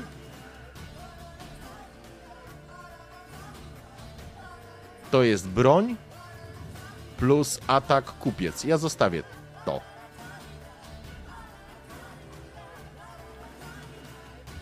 Czyli tak, żebyście dobrze zrozumieli. Ojejku, tutaj nie będzie naszej ankiety, to na razie tutaj wskoczę, słuchajcie, żebyście widzieli. Więc tak, dev plus heal to znaczy, że pijecie jaskółkę oraz e, rzucacie kłen.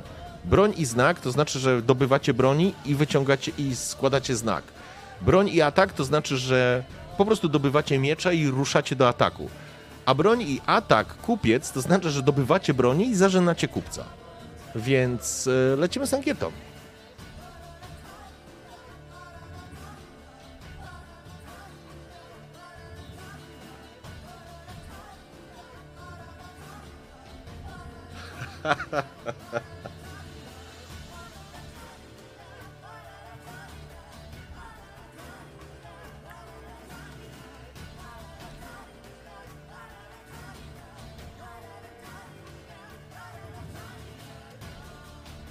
No, ciekaw jestem, co wymyślicie. Kurde, myślałem, że ta spostrzegawczość wyjdzie. Mieliście mimo wszystko pięć kości. To wtedy nie bylibyście zaskoczeni, a tak to niestety to jest taka sytuacja, w której zaskoczeni nie mogą nic zrobić.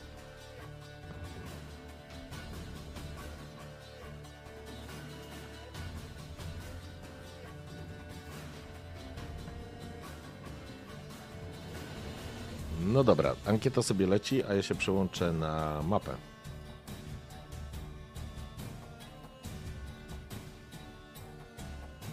Def i Heal. Ok. Def i Heal. Kurczę, nie pamiętam ile jaskółka miała. Czy ja mam tutaj te zasady? Sekunda.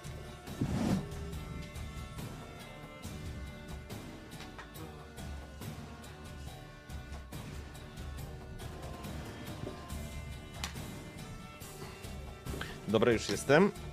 Musiałem sobie przypomnieć, bo nie pamiętam chyba jak to działało. To jest połowa jaskółki, czyli to jest ta rozcieńczona jaskółka, a jaskółka daje...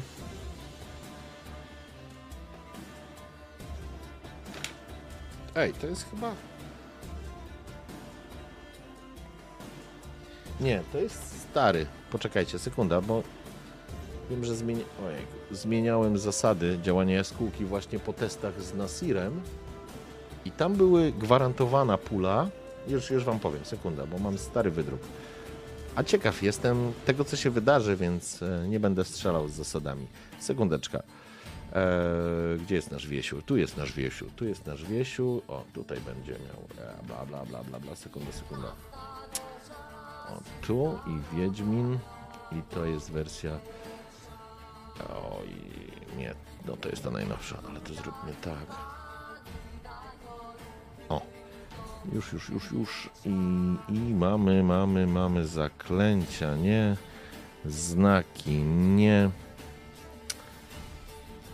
Jaskółka. Na start przywraca 4 punkty zdrowia, rzuca się sześcioma kośćmi. Ok, to przy pełnej, czyli w porządku. Czyli przywraca wam automatycznie 2 punkty zdrowia i będziemy rzucać e, sześcioma kośćmi. I chcemy, żebyście. Chcemy, żeby wypadło jak najwięcej sukcesów na trzech kościach e, podstawowych. Wow, dwa na trzy! No nie gadajcie, że nie macie szczęścia. To oznacza, że te pół jaskółki przy... odzyskaliście dzięki temu, słuchajcie, cztery punkty zdrowia. To naprawdę zajebiście, prawie maksa. Mogliście maksymalnie 5 wyciągnąć, a wyciągnęliście 4. Genialnie. I to jest moment, kiedy Nasir po prostu sięga do pasa, wyciąga ten eliksir, odkorkowuje, czuje jak jaskółka spływa mu po gardle i natychmiast czuje jej efekt. Medalion gdzieś może zadrżał, nieważne. W każdym razie natychmiast składa rękę do znaku Quen. I teraz chcecie, teraz kochani chcecie, jak najbardziej, żeby wam weszło jak najwięcej. Wow, macie dwa sukcesy, kochani. Co to oznacza dla Was? To oznacza dla Was, że dostajecie czasowy, y, czasowy kłęcz, czyli to są dwa punkty, to są dwa punkty pancerza, ale możecie zamienić to dodatkowym sukcesem na trzy punkty pancerza lub wydłużyć te dwa punkty pancerza na dwie rundy. Pamiętajcie o tym, że jeżeli coś was trafi i rozbije, będzie zada więcej obrażeń niż pula E, tego shielda, to go rozbije po prostu. Więc e, ja wam szybciutko wrzucę jeszcze ankietę, żebyście zdecydowali się, bo to ważne, w końcu walczycie o życie, więc jest git. Czy to jest tak ekstra runda, czy ekstra, ekstra punkt pancerza? E, bo znak Quen rozpryśnie się po jednej rundzie, czyli na jak rzucicie to zaklęcie, rzucicie teraz e, mm, tego spela, to tak naprawdę na koniec tej rundy on z niej, na początku waszej kolejnej rundy już go nie będzie. Ekstra PP. Widzę, że na razie jest e, taki. Czy ja mam tutaj. Nie, nie mam tego niestety.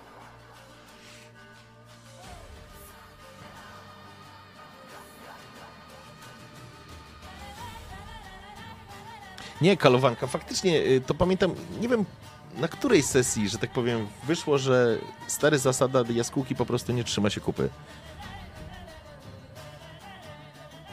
Nie, kalowanka, ja się cieszę waszym sukcesem. To jest naprawdę, to jest naprawdę emocjonujące, no bo ja piszemy wspólnie tą historię. Fakt, jesteście w tej sesji mega ograniczeni, żeby nie było wątpliwości. Ale to ograniczenie wynika z decyzji z poprzedniej sesji, jakby braku kontroli nad e, medalionem.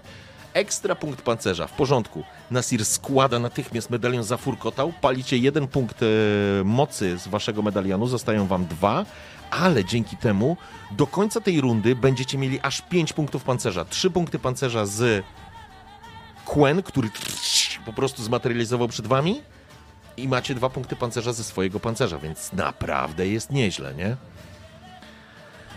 Dobrze. Eee, zatem słuchajcie. To jest to, co zrobił Nasir. Teraz mamy ochroniarzy i teraz ja myślę, że ten ochroniarz z przodu będzie odwraca się do tego Fergusa. Panie Fergusie, musimy uciekać. On go bierze za bety i stara się uciekać i będzie, będzie próbował go odciągnąć. Słuchajcie, gdzie jest ta mapka? Tu jest ta mapka. I będzie chciał go odciągnąć w stronę alejki, żeby jak najszybciej zejść z drogi e, strzelcą. Więc to będzie ta decyzja. Myślę, że ten, który nie dostał, on też nie będzie czekał. On też nie będzie czekał, więc on po prostu rusza za nimi. Po prostu was zostawiają. Oni nie będą tu czekać. I to jest sytuacja, w której przechodzimy do ruchu agentów. Co się dzieje? E, dobrze, to teraz tak. Ten agent wyjdzie, będzie przeładowywał broń, ten sobie zmieni pozycję i będzie przeładowywał broń, a tych dwóch ruszą na Nasira. Ruszy na Nasira. Zatem taką mamy sytuację. I teraz, szanowni, jeszcze tylko sprawdzę, bo wy macie ripostę. Chyba wy macie ripostę, czy coś jeszcze macie? Wy macie ripostę. Nie mieliście tego darmowego, nie? Nie mieliście darmowego parowania, nie było kupione. Ok. Więc yy, prawda jest taka, kochani, że wy nie macie już żadnych akcji, w których moglibyście e, bronić się, więc tak naprawdę będziecie przyjmować te uderzenia, które, które oni zadadzą. To znaczy będą próbować zadawać. Więc oni dostrzegacie tak naprawdę pod kapturami, to są zabójcy, to są, to są agenci, to są agenci e, temerskiego wywiadu. Ich jedynym zadaniem w tym momencie jest was zatrzymać bez względu na koszty. Więc będą próbować to robić. I już ja się, że tak powiem, do tego ustosunkowuję, kochani dobyte miecze i jedziemy.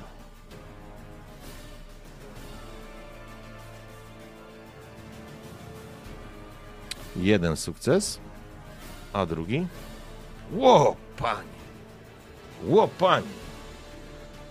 Oni dobiegają do Nasira, który nawet nie ma jeszcze wyciągniętej, e, wyciągniętej broni zalśnił po prostu y, przed nimi, zalśnił e, Quen. Jaskółka zaczyna funkcjonować i jeden z nich po prostu wyskakuje i uderza w, mm, w waszą tarczę. Po prostu tnie na odlew i ostrze, yy, ostrze to będzie dwa punkty obrażeń, więc ostrze tak naprawdę uderza w tą zasłonę energetyczną, ona rozpala się przed nim, ale nie pęka. Zaskoczony, zaskoczony morderca po prostu się cofa, przygotowując się do kolejnego ataku. Natomiast drugi, widać, że potrafią walczyć w parach, to jest ich przewaga prawdopodobnie i zdradliwie wykorzystuje to i wyprowadza serię uderzeń. I to jest, słuchajcie, to jest 2, 3, 4, 5, to jest 6 punktów obrażeń. Więc on uderza raz, drugi, trzeci, czwarty. Quen po prostu rozsypuje się jak, jak szklana bańka i cięcia zaczynają wchodzić na pancerz Nasira, który tak na próbuje się ustawić i bronić w ten sposób, żeby jak najwięcej przyjąć, ustawić się w ten sposób, żeby przyjmować to na pancerz, ale nie zmienia to faktu, kochani, że to jest 2, 3, 3, 4, 5, 6 punktów, macie 5 punktów pancerza, więc oni zostawiają na was ślad, krwawy ślad, e, ten drugi, przybijając, tak naprawdę rozcinając wam czujecie po prostu cięcie na, na, na, na, gdzieś na korpusie po tym, jak się miecz przebił przez, e, przez obrażenia. A czemu 6, a nie 5? No bo dwa, dwa obrażenia są z automatu. 2, 3, 4. A, przepraszam. Jeden sukces jest pod. A, dobrze. Hadziu dobrze zauważył. To jest 2, 3, 4. Masz rację. Dobrze, w porządku. Zwracam wam jeden punkt z powrotem. Dobre, bystre oko. Więc wasz pancerz przyjął, absolutnie przyjął te obrażenia. Tak się ustawiliście, że nic wam się złego nie stało. I teraz przechodzimy do Nasira. Co robimy? I to jest pytanie do was. Jak macie jakieś propozycje, to dawajcie, zamieszczę w ankiecie. Jeżeli będzie, pamiętajcie o tym, że wy nie macie cały czas broni.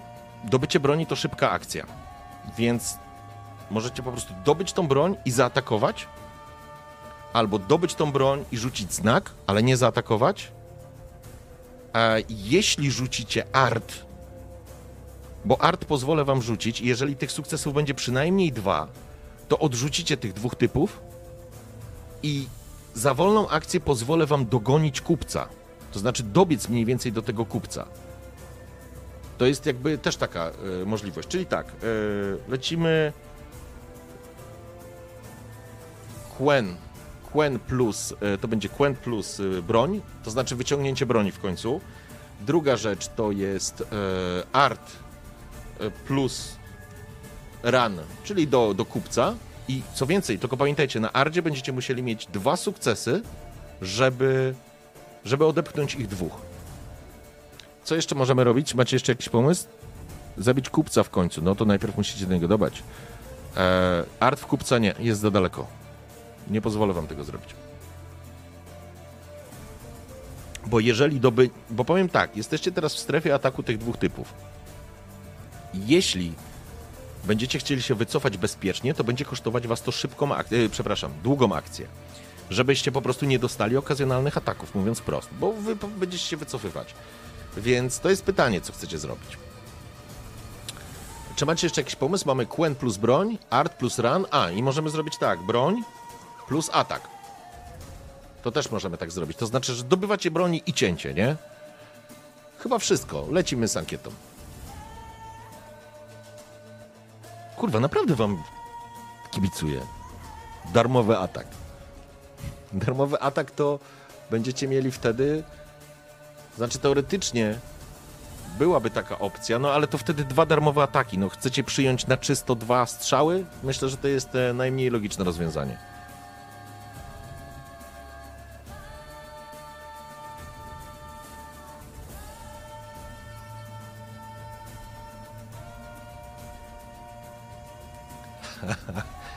dobre, dobre.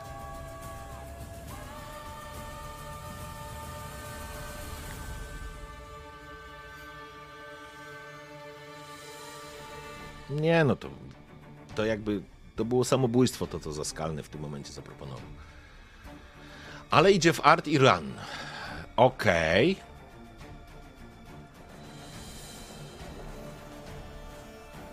Dobra. Art i run. Porządku. Kochani, przeskakujemy z powrotem na mapę. No i trzymam kciuki. Ej, jest naprawdę strasznie podjarany. W porządku. Więc trzymam za was kciuki. Nasir nie dobywa broni po raz kolejny zaczyna składać znak. W ogóle jaka cudowna sytuacja, zwróćcie uwagę, on nawet broni nie wyjął. To jest coś zajebistego. Zajebiste, zajebiste. Dobra, trzymam za was kciuki. Rzucamy na maksa. Chcemy mieć jak najwięcej.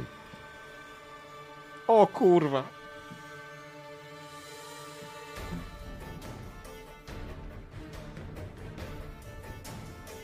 O, fuck.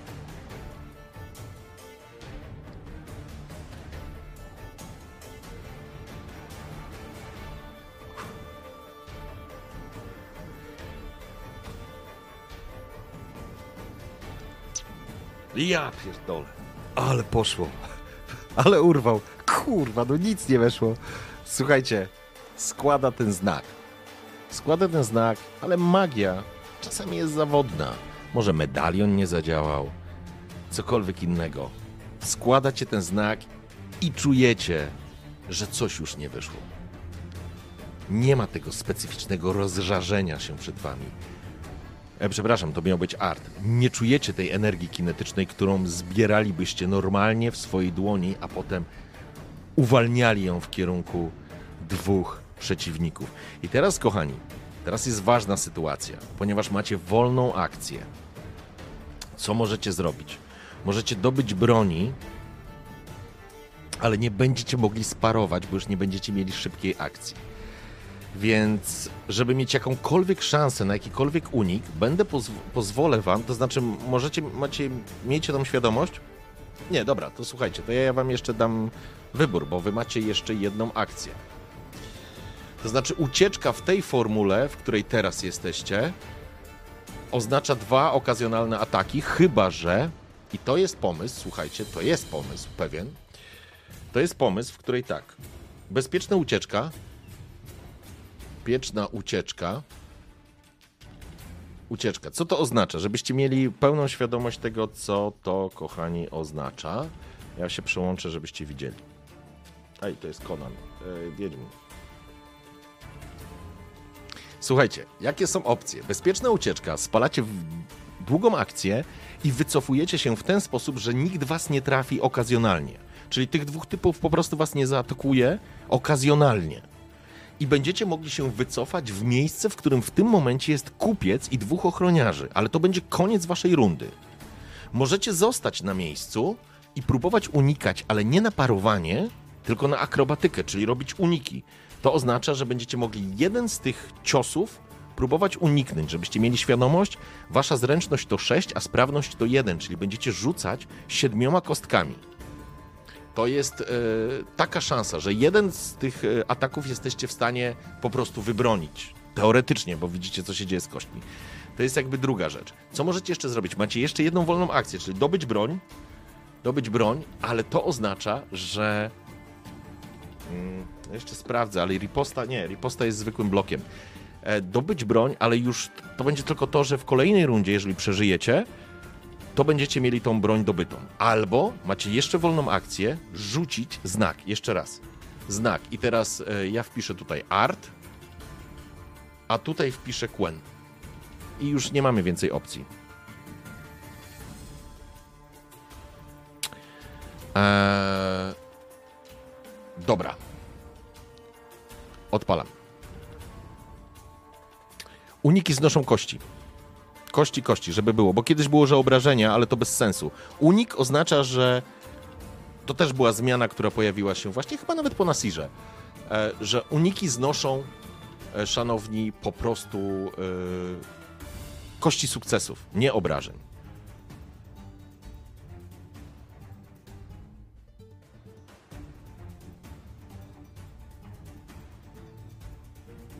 No żałuję wam eliksirów. No.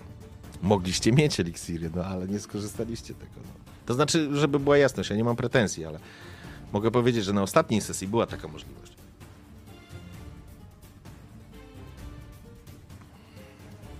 Ale w, dzięki temu ma również stres, który powoduje, że ma negatywne efekty może mieć, nie?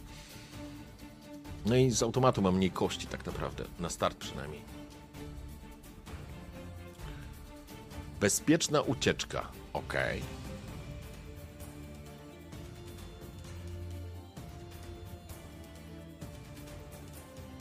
Chyba będziemy bezpiecznie się wycofywać. Co to oznacza? To oznacza. Ok, taka jest wasza decyzja. Więc przełączamy, przełączamy się na mapę. Nasir wycofuje się. Te miecze natychmiast nad nim lecą z jednej i z drugiej strony, ale Nasir bezpiecznie potrafi to zrobić i po prostu cofa się w kierunku uciekającego kupca oraz ochroniarzy. I słyszycie, jak kupiec wrzeszczy do jednego z nich: Zatrzymaj ich! I zostawia. Zostawia typa, tego, który był z tyłu, mniej więcej na wysokości was i Nasira. To znaczy was, Nasira. Nasira i was. I, i to jest właściwie koniec. Yy, koniec ruchu, chociaż nie. Co on mógłby zrobić? Czy on mógłby coś zrobić?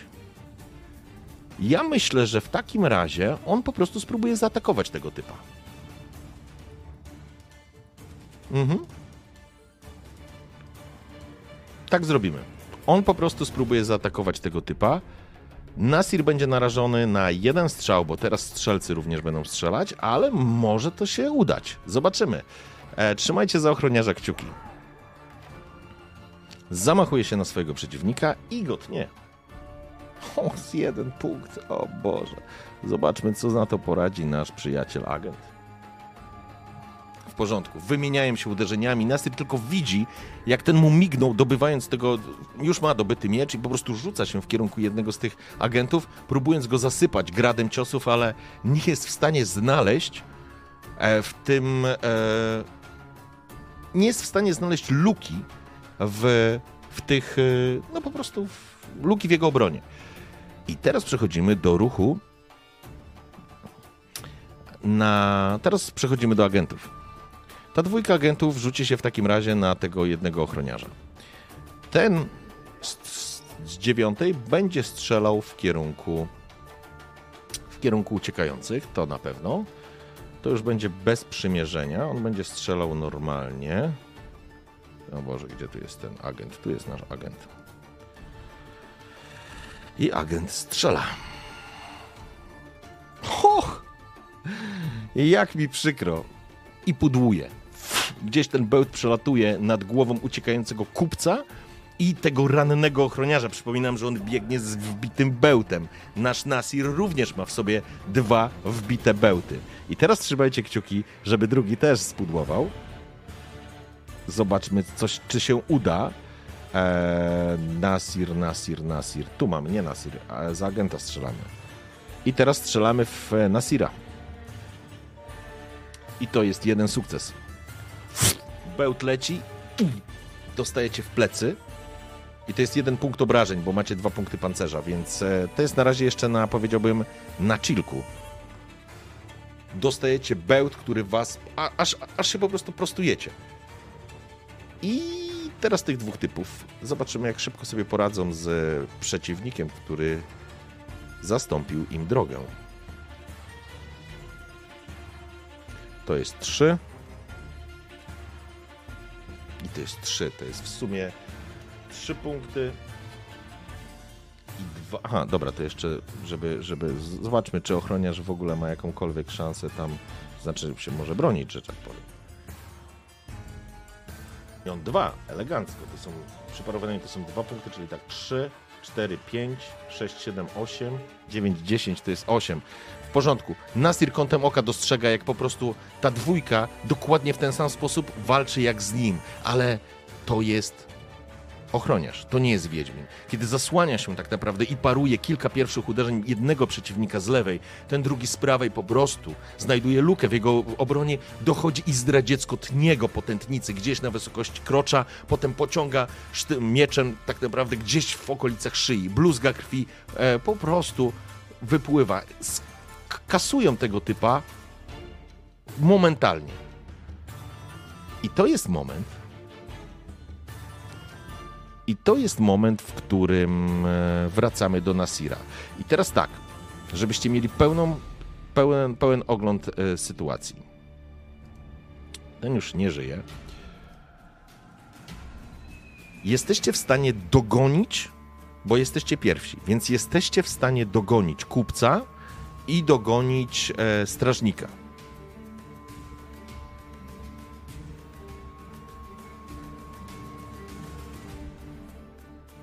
Więc pytanie jest takie: czy to znaczy, Po prostu możecie go, do, ba, możecie go nawet przegonić, albo możecie go spróbować złapać i starać się szybciej uciekać.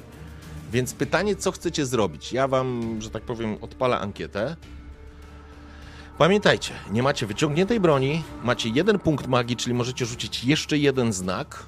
Eee, więc co ja mogę zrobić? Dobycie broni i ucieczka. Broń plus ucieczka.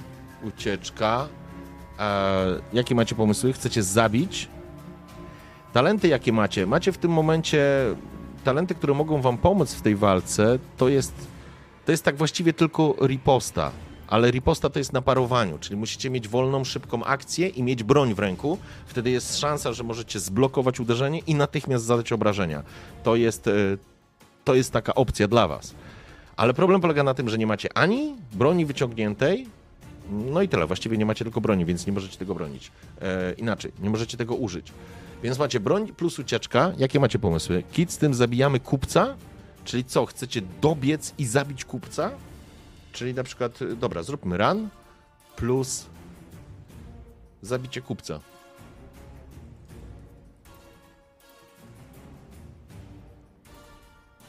Dobra. Jest taka opcja z waszej strony. Co chcecie jeszcze? Czy macie jeszcze jakąś opcję? Co ja mogę wam zaproponować? Mogę wam zaproponować, że możecie rzucić Quen. Ojejku, jak ona włączyłem, sorry. Możemy zrobić e, tak, że możecie rzucić Quen plus e, biec za kupcem. Biec i uciekać, czyli tak, zróbmy biec, ucieczka w takim znaczeniu, że uciekacie, nie zabijacie go, tak? Uciekacie. Co jeszcze możemy zrobić? E, możecie spróbować rzucić art, jeszcze o, może w ten sposób. Da, dam wam możliwość rzucenia ardu w tego typa, który jest u góry i strzelał. On w tej rundzie nie strzeli, ale pod warunkiem, czy będzie chciał przeładowywać, bo on może równie dobrze zaskoczyć na dół i próbować z wami walczyć. E... O, to jest fajny pomysł. Spróbować zatorować drogę Ardem. I to jest fajny pomysł. Art, bo jeżeli wam wyjdzie, hej, to może być zajebisty pomysł. Zupełnie szczerze.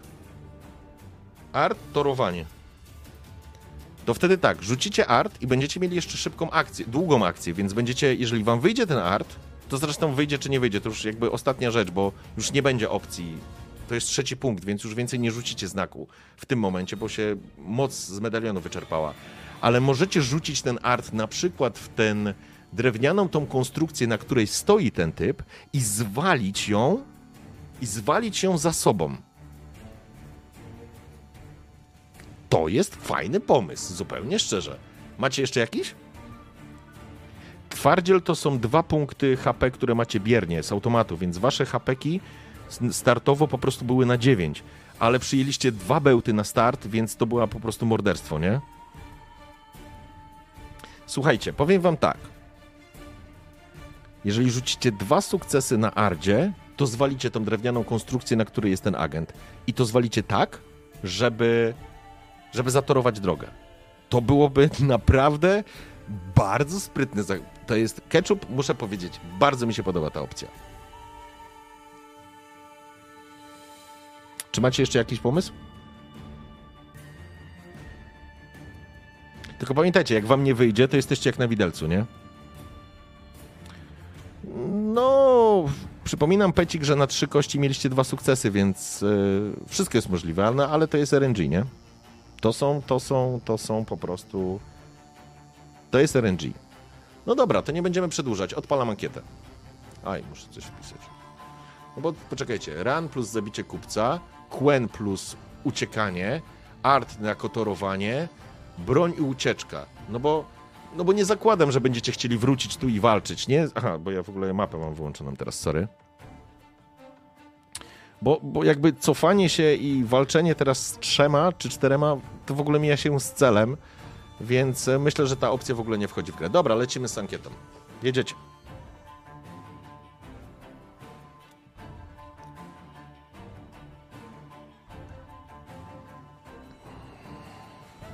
Pamiętajcie, że jeżeli art nie wyjdzie, będziecie jak na widelcu. To znaczy, walczycie o życie teraz.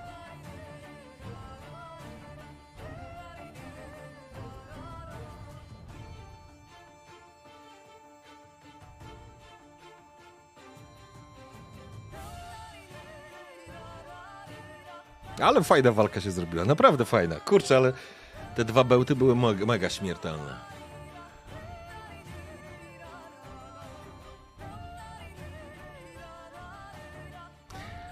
Chcecie zabić kupca albo art i to jest walka. Okej. Okay.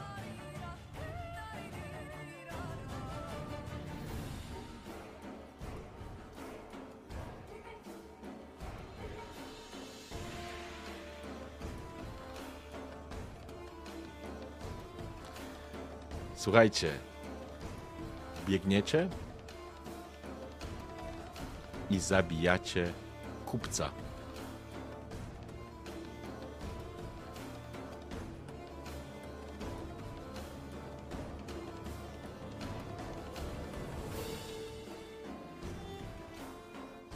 Nasir rusza. W trakcie dobywa miecz który jest mieczem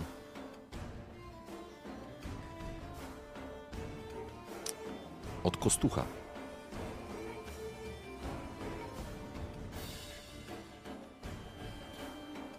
Fergus nie zdaje sobie sprawy.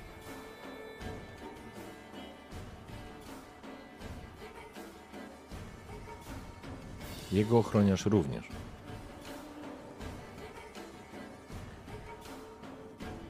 Dobiegacie. Poranieni, ledwo żywi.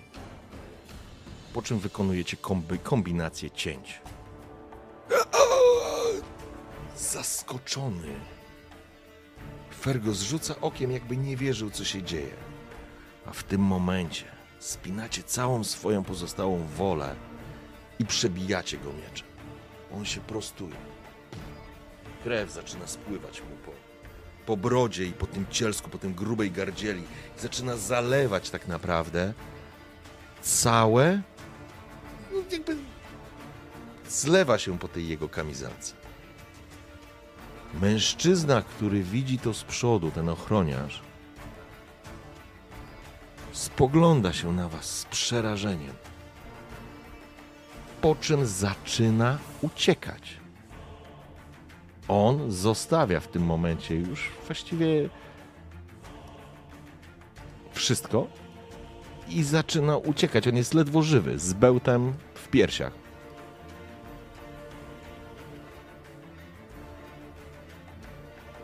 I to jest moment, w którym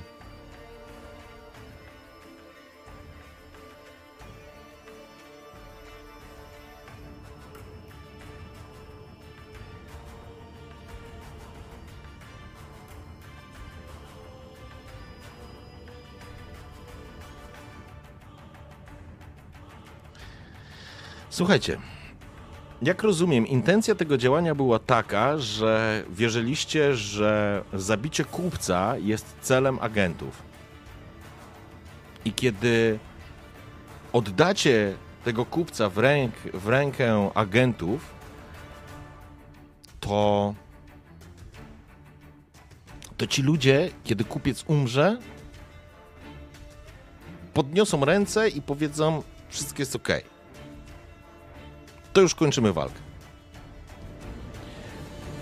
Zakładam, że taka jest intencja, więc pozwolę Nasirowi wykrzyczeć coś, cokolwiek.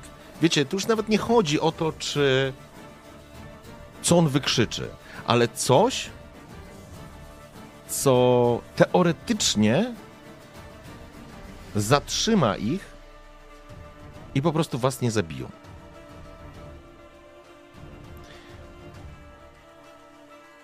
To jest, bo to jest jakby, to jest koniec waszej rundy. To już w tym momencie nie jesteście w stanie nic zrobić, ale, ale możecie coś wykrzyczeć, bo to będzie akcja prosta. E, to nie, nawet nie będziemy robić ankiety. Ja po prostu będę rzucał. I hm, dobre. Rzucamy na manipulację.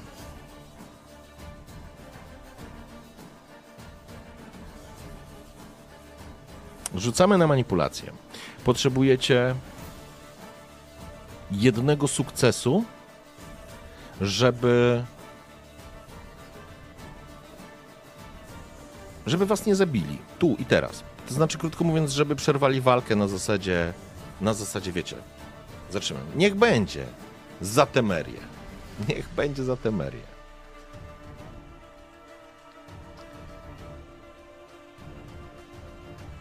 Wiecie co? Zróbmy inaczej. Albo dobra, tak robimy. Niech będzie. Trzymajcie kciuki. Macie dwie kostki. Szanse są naprawdę niewielkie, ale sytuacja jest naprawdę trudna. Więc. Więc albo wejdzie, albo nie. Poszło.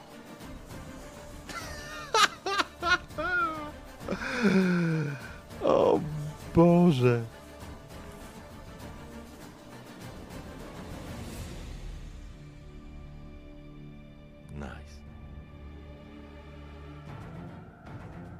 Nasir wrzeszczy. Za tę merię! Roznosi się echo. Trzyma w, w rękach miecz zakrwawiony. Nazir obraca się jak szaleniec, wskazując, jakby ciało. Tam są listy, tam są listy. I to jest moment, w którym agenci obchodzą go ze wszystkich stron. I Nasir absolutnie nie będzie walczył, bo on teraz gra o swoje życie.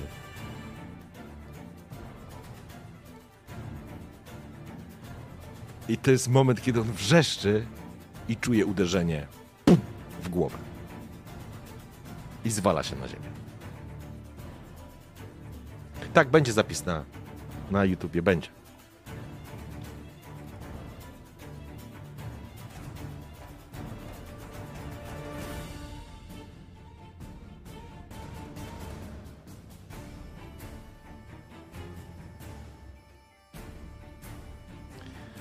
A to oznacza,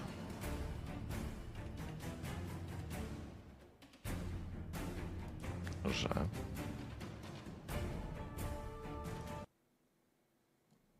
przechodzimy do epilogu.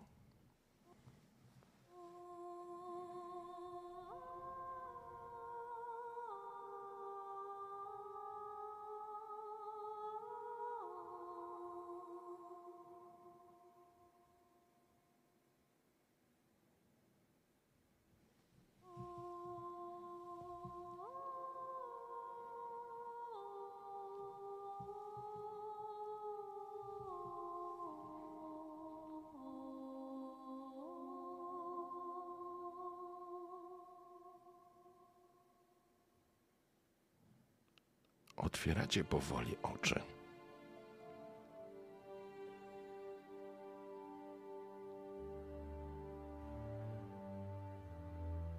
Czujecie, że wasze ciało jest zmaltretowane.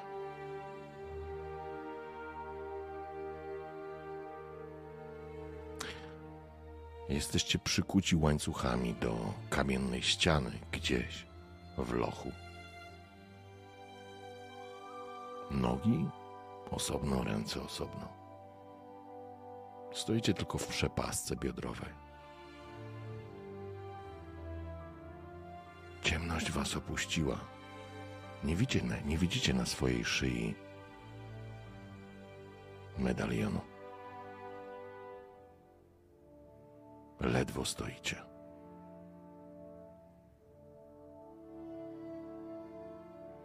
Przed wami stoi mężczyzna. Obok niego człowiek, o którym chyba już kiedyś słyszeliście.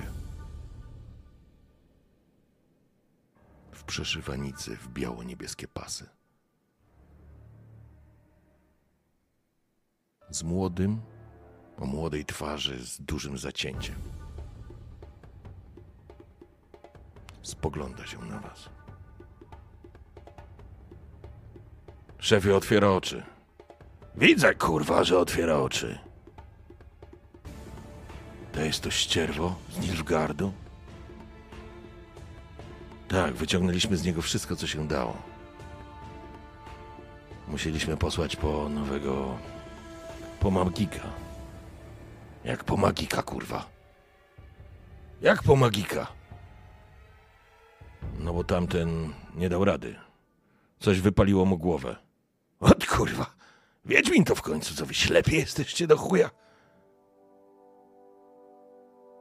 No właśnie. Dzięki temu. Dzięki temu udało nam się zdobyć coś więcej.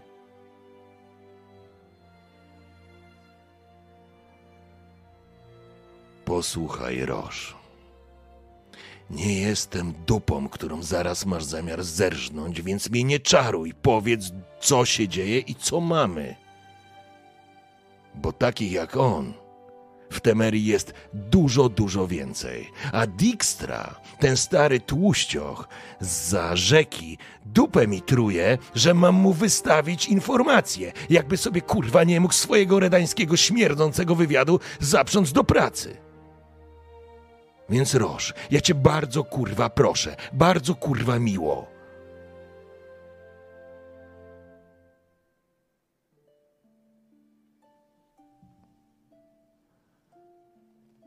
To tylko lalka.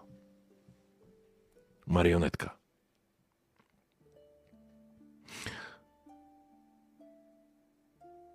Dzięki wsparciu czarodziejek udało się przełamać moc medalionu, który miał na sobie. Był smyczą, obrożą, zmuszał tego tempaka do wykonywania poleceń. O, ciekawe, kurwa. Może ja bym się nauczył. Chętnie bym wem też takie obroże na łby pozakładał.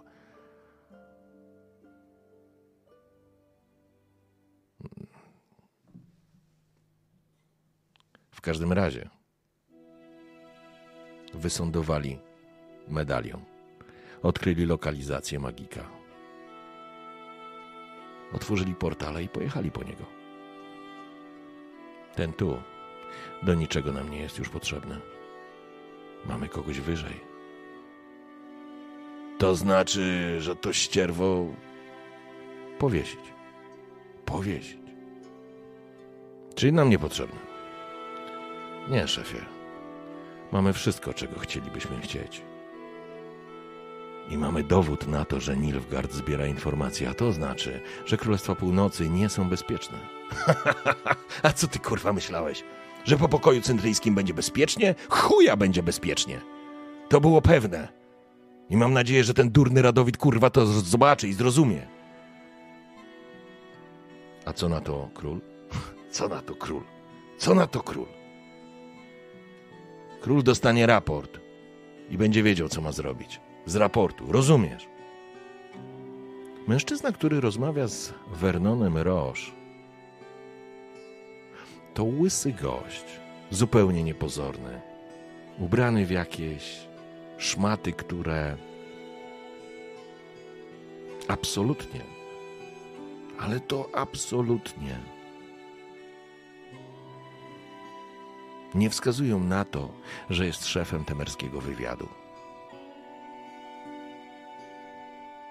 Ja myślę, że on ma nawet dwa wiszące buty na sznurowadłach przełożonych przez kark.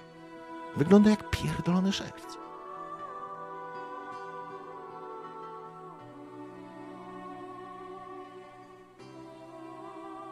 No dobrze, Roż. Rzadko to mówię. Ale coś wam kurwa wyszło. Trzeba teraz wyłapać pozostałych. A tego na szubienicę. Tak jest. Mężczyzna obraca się na Nasira. Nasir spogląda się na niego. Nasir jest mądrym wiedźminem.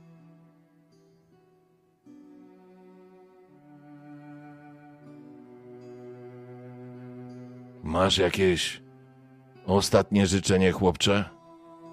Może to nie Drakenborg, nie mamy winka, którym raczy Dijkstra swoich skazańców. Ale to Temeria, a ty, nilfgardzki psie, podobno z tych bardziej wykształconych i obytych jesteś. Masz jakieś ostatnie życzenie? To jest pytanie do Was, kochani.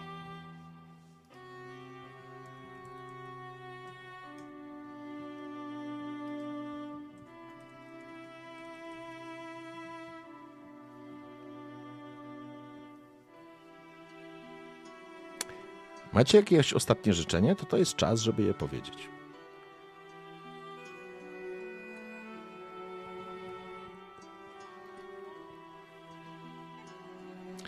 Daj pracować dla was. Daj pracować, ok?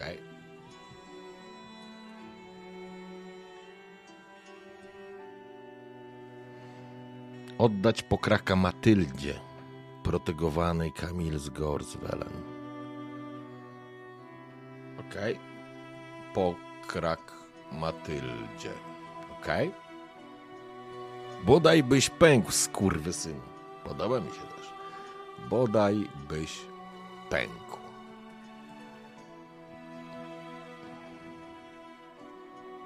Może zagramy w gwintę.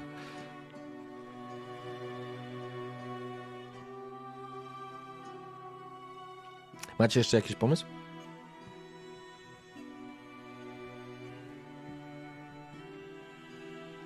Splunąć.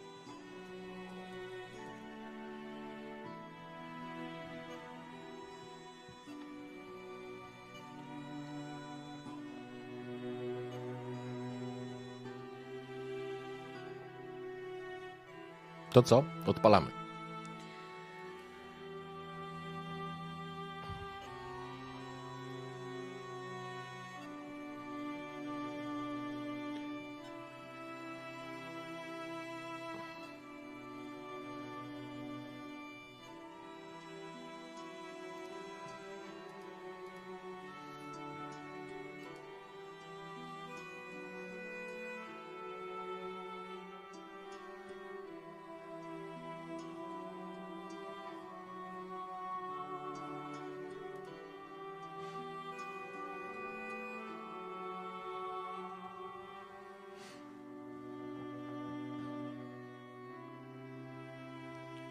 Jaką talią grał Nasir?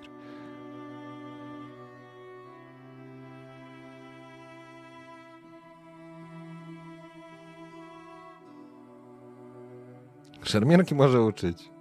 I ogród może plewić. Daj pracować.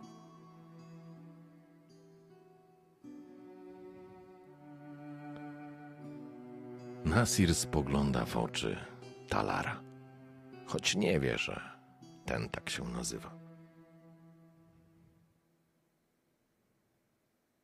Jestem Wiedźminem.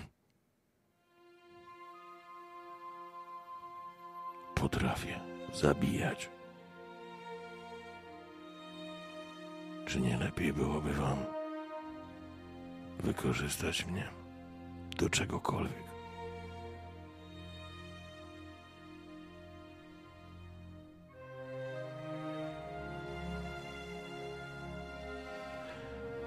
Pytanie zawisło w powietrzu.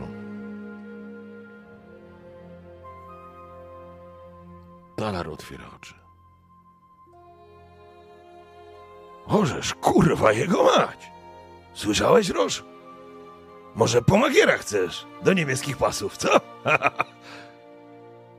Nie, chłopcze. Nie ma takiej opcji. Za sam fakt, że mnie widziałeś, zawiśniesz. Wiem, że zabawa w odwracanie agentów jest ekscytująca. Jak dobra kurwa o poranku. Ale ty jesteś Wiedźminem. Jesteś zbyt niebezpieczny. Jesteś ich bronią, rozumiesz? Wyszkolili cię tylko po to, żebyś tu był. Nie, Wiedźminie. Nie będziesz pracował dla temerskiego wywiadu.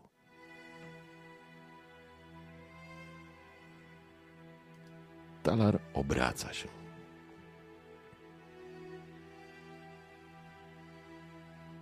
I opuszcza to pomieszczenie. Roż spogląda się na was.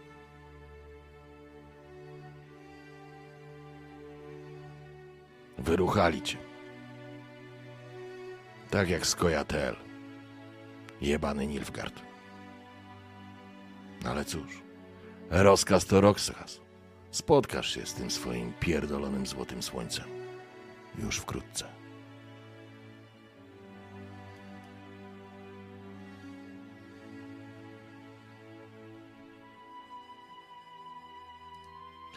I to jest moment,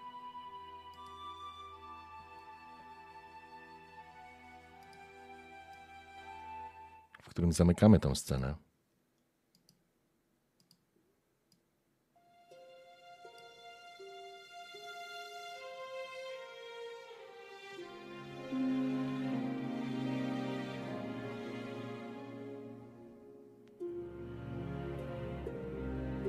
Gdyby ktoś mógł widzieć,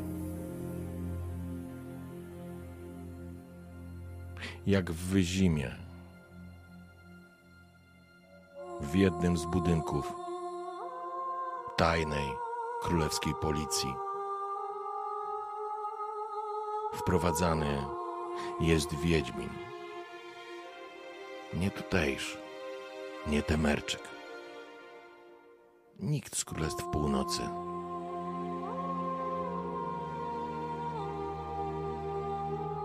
Kiedy idzie kulejąc, bo jego ciało jest poranione, nie tylko walką,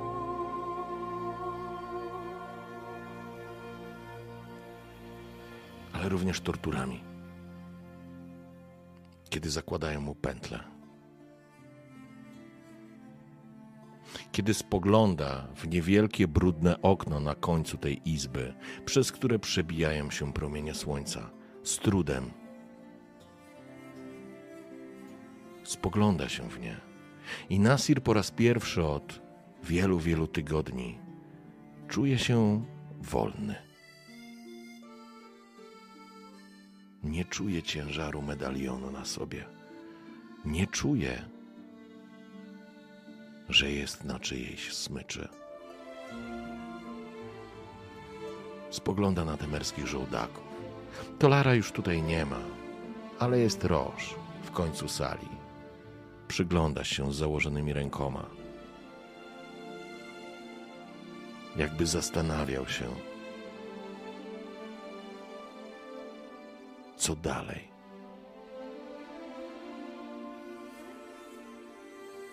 I kiedy zapadnia pod nogami,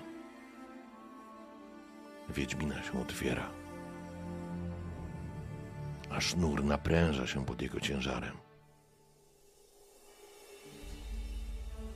Kiedy powietrze zaczyna uciekać, a nacisk na szyję i kark jest przeogromny. Kiedy głowa Nasira opiera się, przyglądając się w takiej ciemnej sali, brudnej, w której po prostu ludzie giną. Spogląda się w blask słońca w tym oknie. I zaczyna dostrzegać rzeczy, których nie powinien już dostrzec. Albo nie ma prawa ich dostrzec.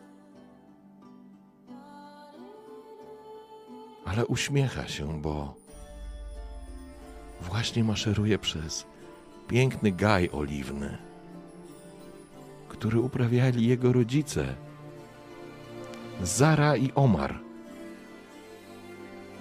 To było w Metinie. Nasir sobie to przypomina. Kiedy śmierć zamyka się nad nim, on widzi scenę jak młody chłopiec idzie pomiędzy pomiędzy tymi drzewami. Jak jego matka uśmiecha się i wychodzi i go woła jego prawdziwym imieniem. Bo Nasir to nie było jego prawdziwe imię. Słyszę, jak woła go jako Fatin I Nasir wie, że Fatin w ich języku oznacza inteligentnego, mądrego. A potem, kiedy Nilfgaard zalał Metinę, a jego rodzice zginęli, a gaj oliwny spłonął, młody Nasir, a właściwie Fatin, trafił do Izgol Gefalail, szkoły Skorpiona.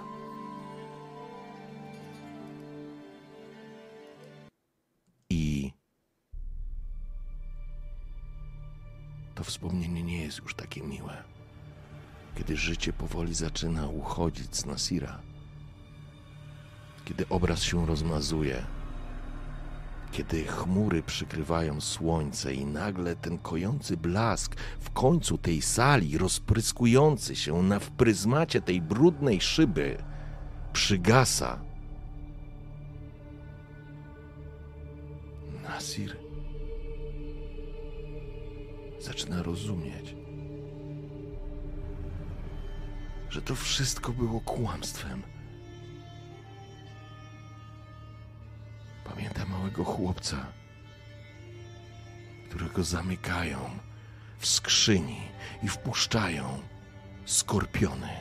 Jak on wrzeszczy, jak krzyczy, jak próbuje się wydostać, jak z przerażeniem wbija paznokcie w drewnianą płytę, próbując się wydostać.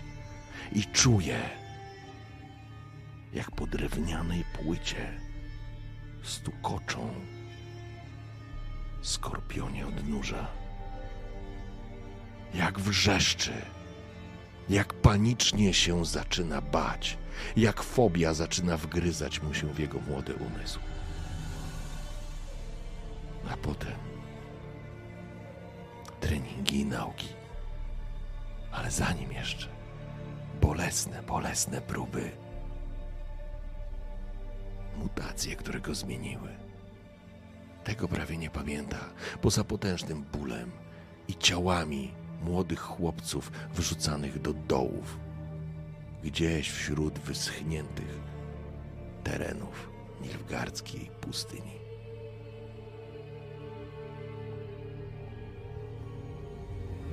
A potem nauki. Rozwinięte mapy geografia, topografia, nazwy miejsc, historii. To wszystko dotyczyło Królestw Północy. I medalion rozkładający się przed nim w towarzystwie jednego z mistrzów, który pełni funkcję komunikatora? Czegoś przez co zdawał albo miał zdawać raporty młody chłopiec czy młodzian. Zmieniony, zmutowany, przerażony, zniszczony przez szkołę Izgol Gefalail. A potem coś, co mu się przypomina i jarzy się na końcówce jego świadomości. Kiedy pite były jakieś eliksiry, kiedy siedzi na kamiennym stołku, obraca się w lewo i w prawo i widzi podobnych jemu chłopców, którzy z przerażeniem, nie z jakimś obłędem w oczach, gibają się w rytmie powtarzających się słów jakby chórem ktoś czytał i non-stop powtarzał. I wówczas nadeszła próba oddania. Musiałeś stanąć naprzeciwko swojego jedynego przyjaciela Osjana. To był test lojalności. Odmówiłeś zabicia go, a siepacze mistrzów zabili Osjana na twych oczach. A ty stanąłeś do dramatycznej walki. Udało ci się wyrąbać wyjście i uciec, byle dalej, byle na północ. Słowa rozbrzmiewają się echem, jakby niewidzialny chór recytował. I w kółko, i wówczas nadeszła próba oddania. I Nasir umierając zrozumiał, że od początku był okłamywany, że Osjana nigdy nie było, że od początku był produktem, bronią, która była przygotowana w jednym celu. Mieliście szpiegować, mieliście zbierać informacje i być może mordować na zamówienie. Każdy z was był na smyczy, a historia o rzekomym udanym wyrwaniu się ze szkoły jest bzdurą i bójdą wpojoną wam przez waszych mistrzów.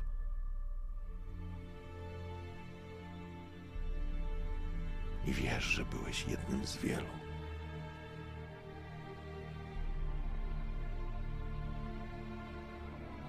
Potem, kiedy ciemność zalewa twoje oczy na Sirze i czujesz, jak ciało zaczyna się bronić samo z siebie,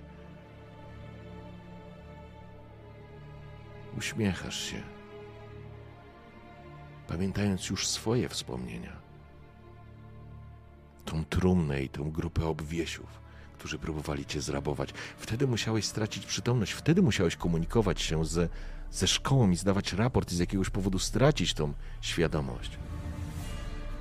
A potem tą babę wodną na mokradłach, której darowałeś życie. A później pogorzelicę i babę Miłkę i ten dwór i duch Eny i historię z Indrą i maruderami. A później Kalbę i, Kamil i Biesa i walkę w tym zagajniku. Potem te ruiny Klewes i, i znowu, znowu twoja przeszłość was dogoniła. Mało jej wtedy nie zamordowałeś. I Chochole Pole i Matylda. Dziewczynka, która opowiadała o łące, na której teraz Nasir jest. Spogląda się. Leży obok Matyldy i leżą w wysokich trawach i kwiatach, spoglądając w niebo, a nad nimi brzęczą niepoliczalne ilości owadów. Obraca się, widząc twarz tej dziewczynki, która się uśmiecha. I mówi: Jak tu pięknie, prawda?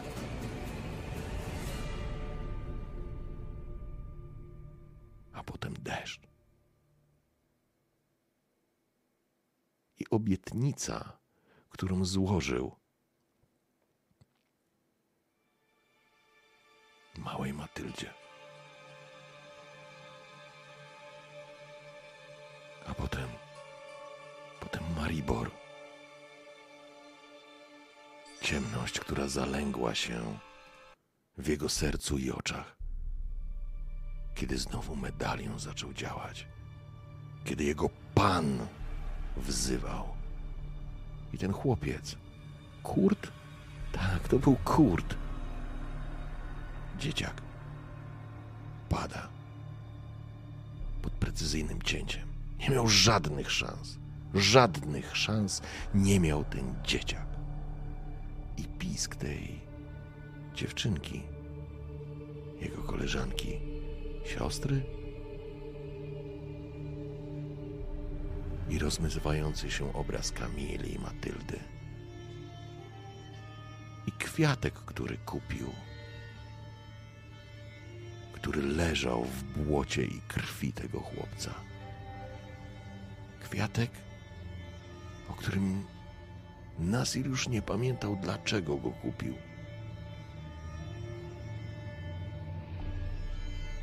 A później wioska, Kostu i Agnes, która przyprowadziła śmierć, żeby wyrównać rachunki. Biedne, małe dziecko z Mariboru. Sierota wojenna. Myślała, że życie jest sprawiedliwe. Nie jest. Kostuch o tym wiedział, ale miał swój honor. Padł.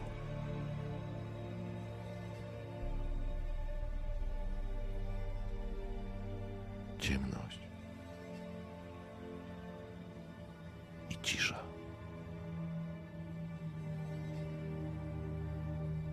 Nasir umiera w samotności. Od zawsze oszukiwany, skrzywdzony, wykorzystany, niezdolny do sprzeciwienia się woli swoich panów.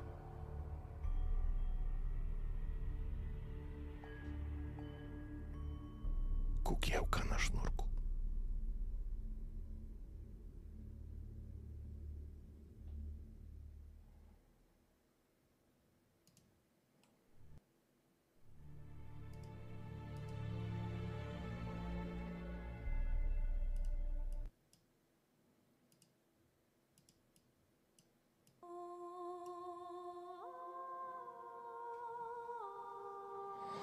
Nasir tego nigdy nie mógł wiedzieć.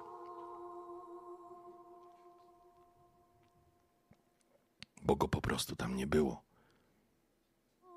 A wydarzenia, które miały miejsce, były poza jego zasięgiem. Ale gdyby był, to by wiedział, że czarodziejka Kamil bardzo krótko po jego wyjeździe zginęła.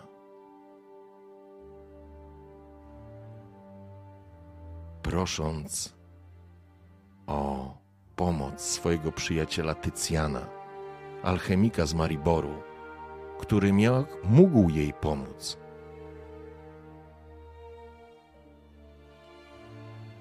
Wiedźmin nigdy nie dowiedział się, o co właściwie chodziło z Kamil. Gdyby został, gdyby porozmawiał, gdyby przekonał Kamil, że nie warto ryzykować, to może by żyła. O to by na pewno prosił Tycjan. I by wyjawił Nasirowi, albo może sama Kamil by wyjawiła prawdziwą jej historię. O tym, jak się urodziła źródłem. O tym, jak czarodziej z Ban Art wyciszył ją brutalnie. O tym, że w tej brutalności nie było dokładności, przez co jej moc zaczęła się wyrywać spod blokady. O tym, jak młoda Kamil wierzyła, że jest w stanie swoją moc odzyskać, o tym jak poszła do Aretuzy, o tym jak skrzywdzona i złamana. Nigdy nie mogła podołać mocy, którą której oczekiwały od niej prawdziwe czarodziejki, o tym jak miała być wyciszona, albo może nawet zabita, bo być może tej procedury drugi raz by nie przeżyła, o tym jak uciekła o tym, jak jej marzeniem było to, żeby zdjąć z siebie blokadę, którą nałożył na nią czarodziej z Banart. O tym, jak bardzo pragnęła być tym, co jej odebrano. Tycjan był przyjacielem Kamil. Wiedział i ona wiedziała o ryzyku. Po to jej były składniki, między innymi oko biesa. Dlatego dla niej było to tak ważne. Ale niestety. Magiczny rytuał nie wyszedł. Kamil zginęła.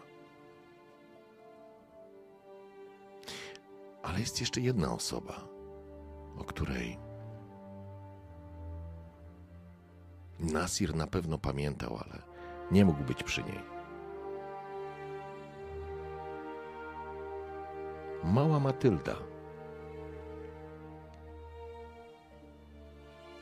którą Kamil w swojej w swoim pragmatyzmie odesłała do Elander.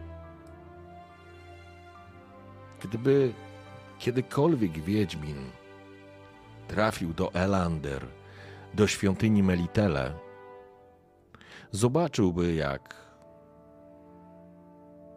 nastoletnia Matylda służy. Nie jest akolitką, nie jest kapłanką i nigdy nie będzie. Ale Neneke znalazła jej pracę. Jest służką. I pewnie będzie tą służką i pomocą do czasu, aż nie będzie mogła sama o sobie decydować.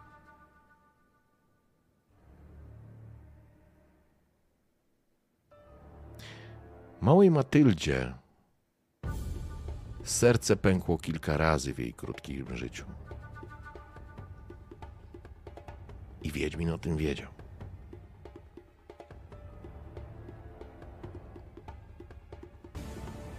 Ale kiedy? Po pewnym czasie. Do Elander. Zawitał Vernon Roche, prowadząc za uzdę pokraka, Matyldzie po raz kolejny pękło serce. Bo zrozumiała, że Wiedźmin Nasir nie żyje.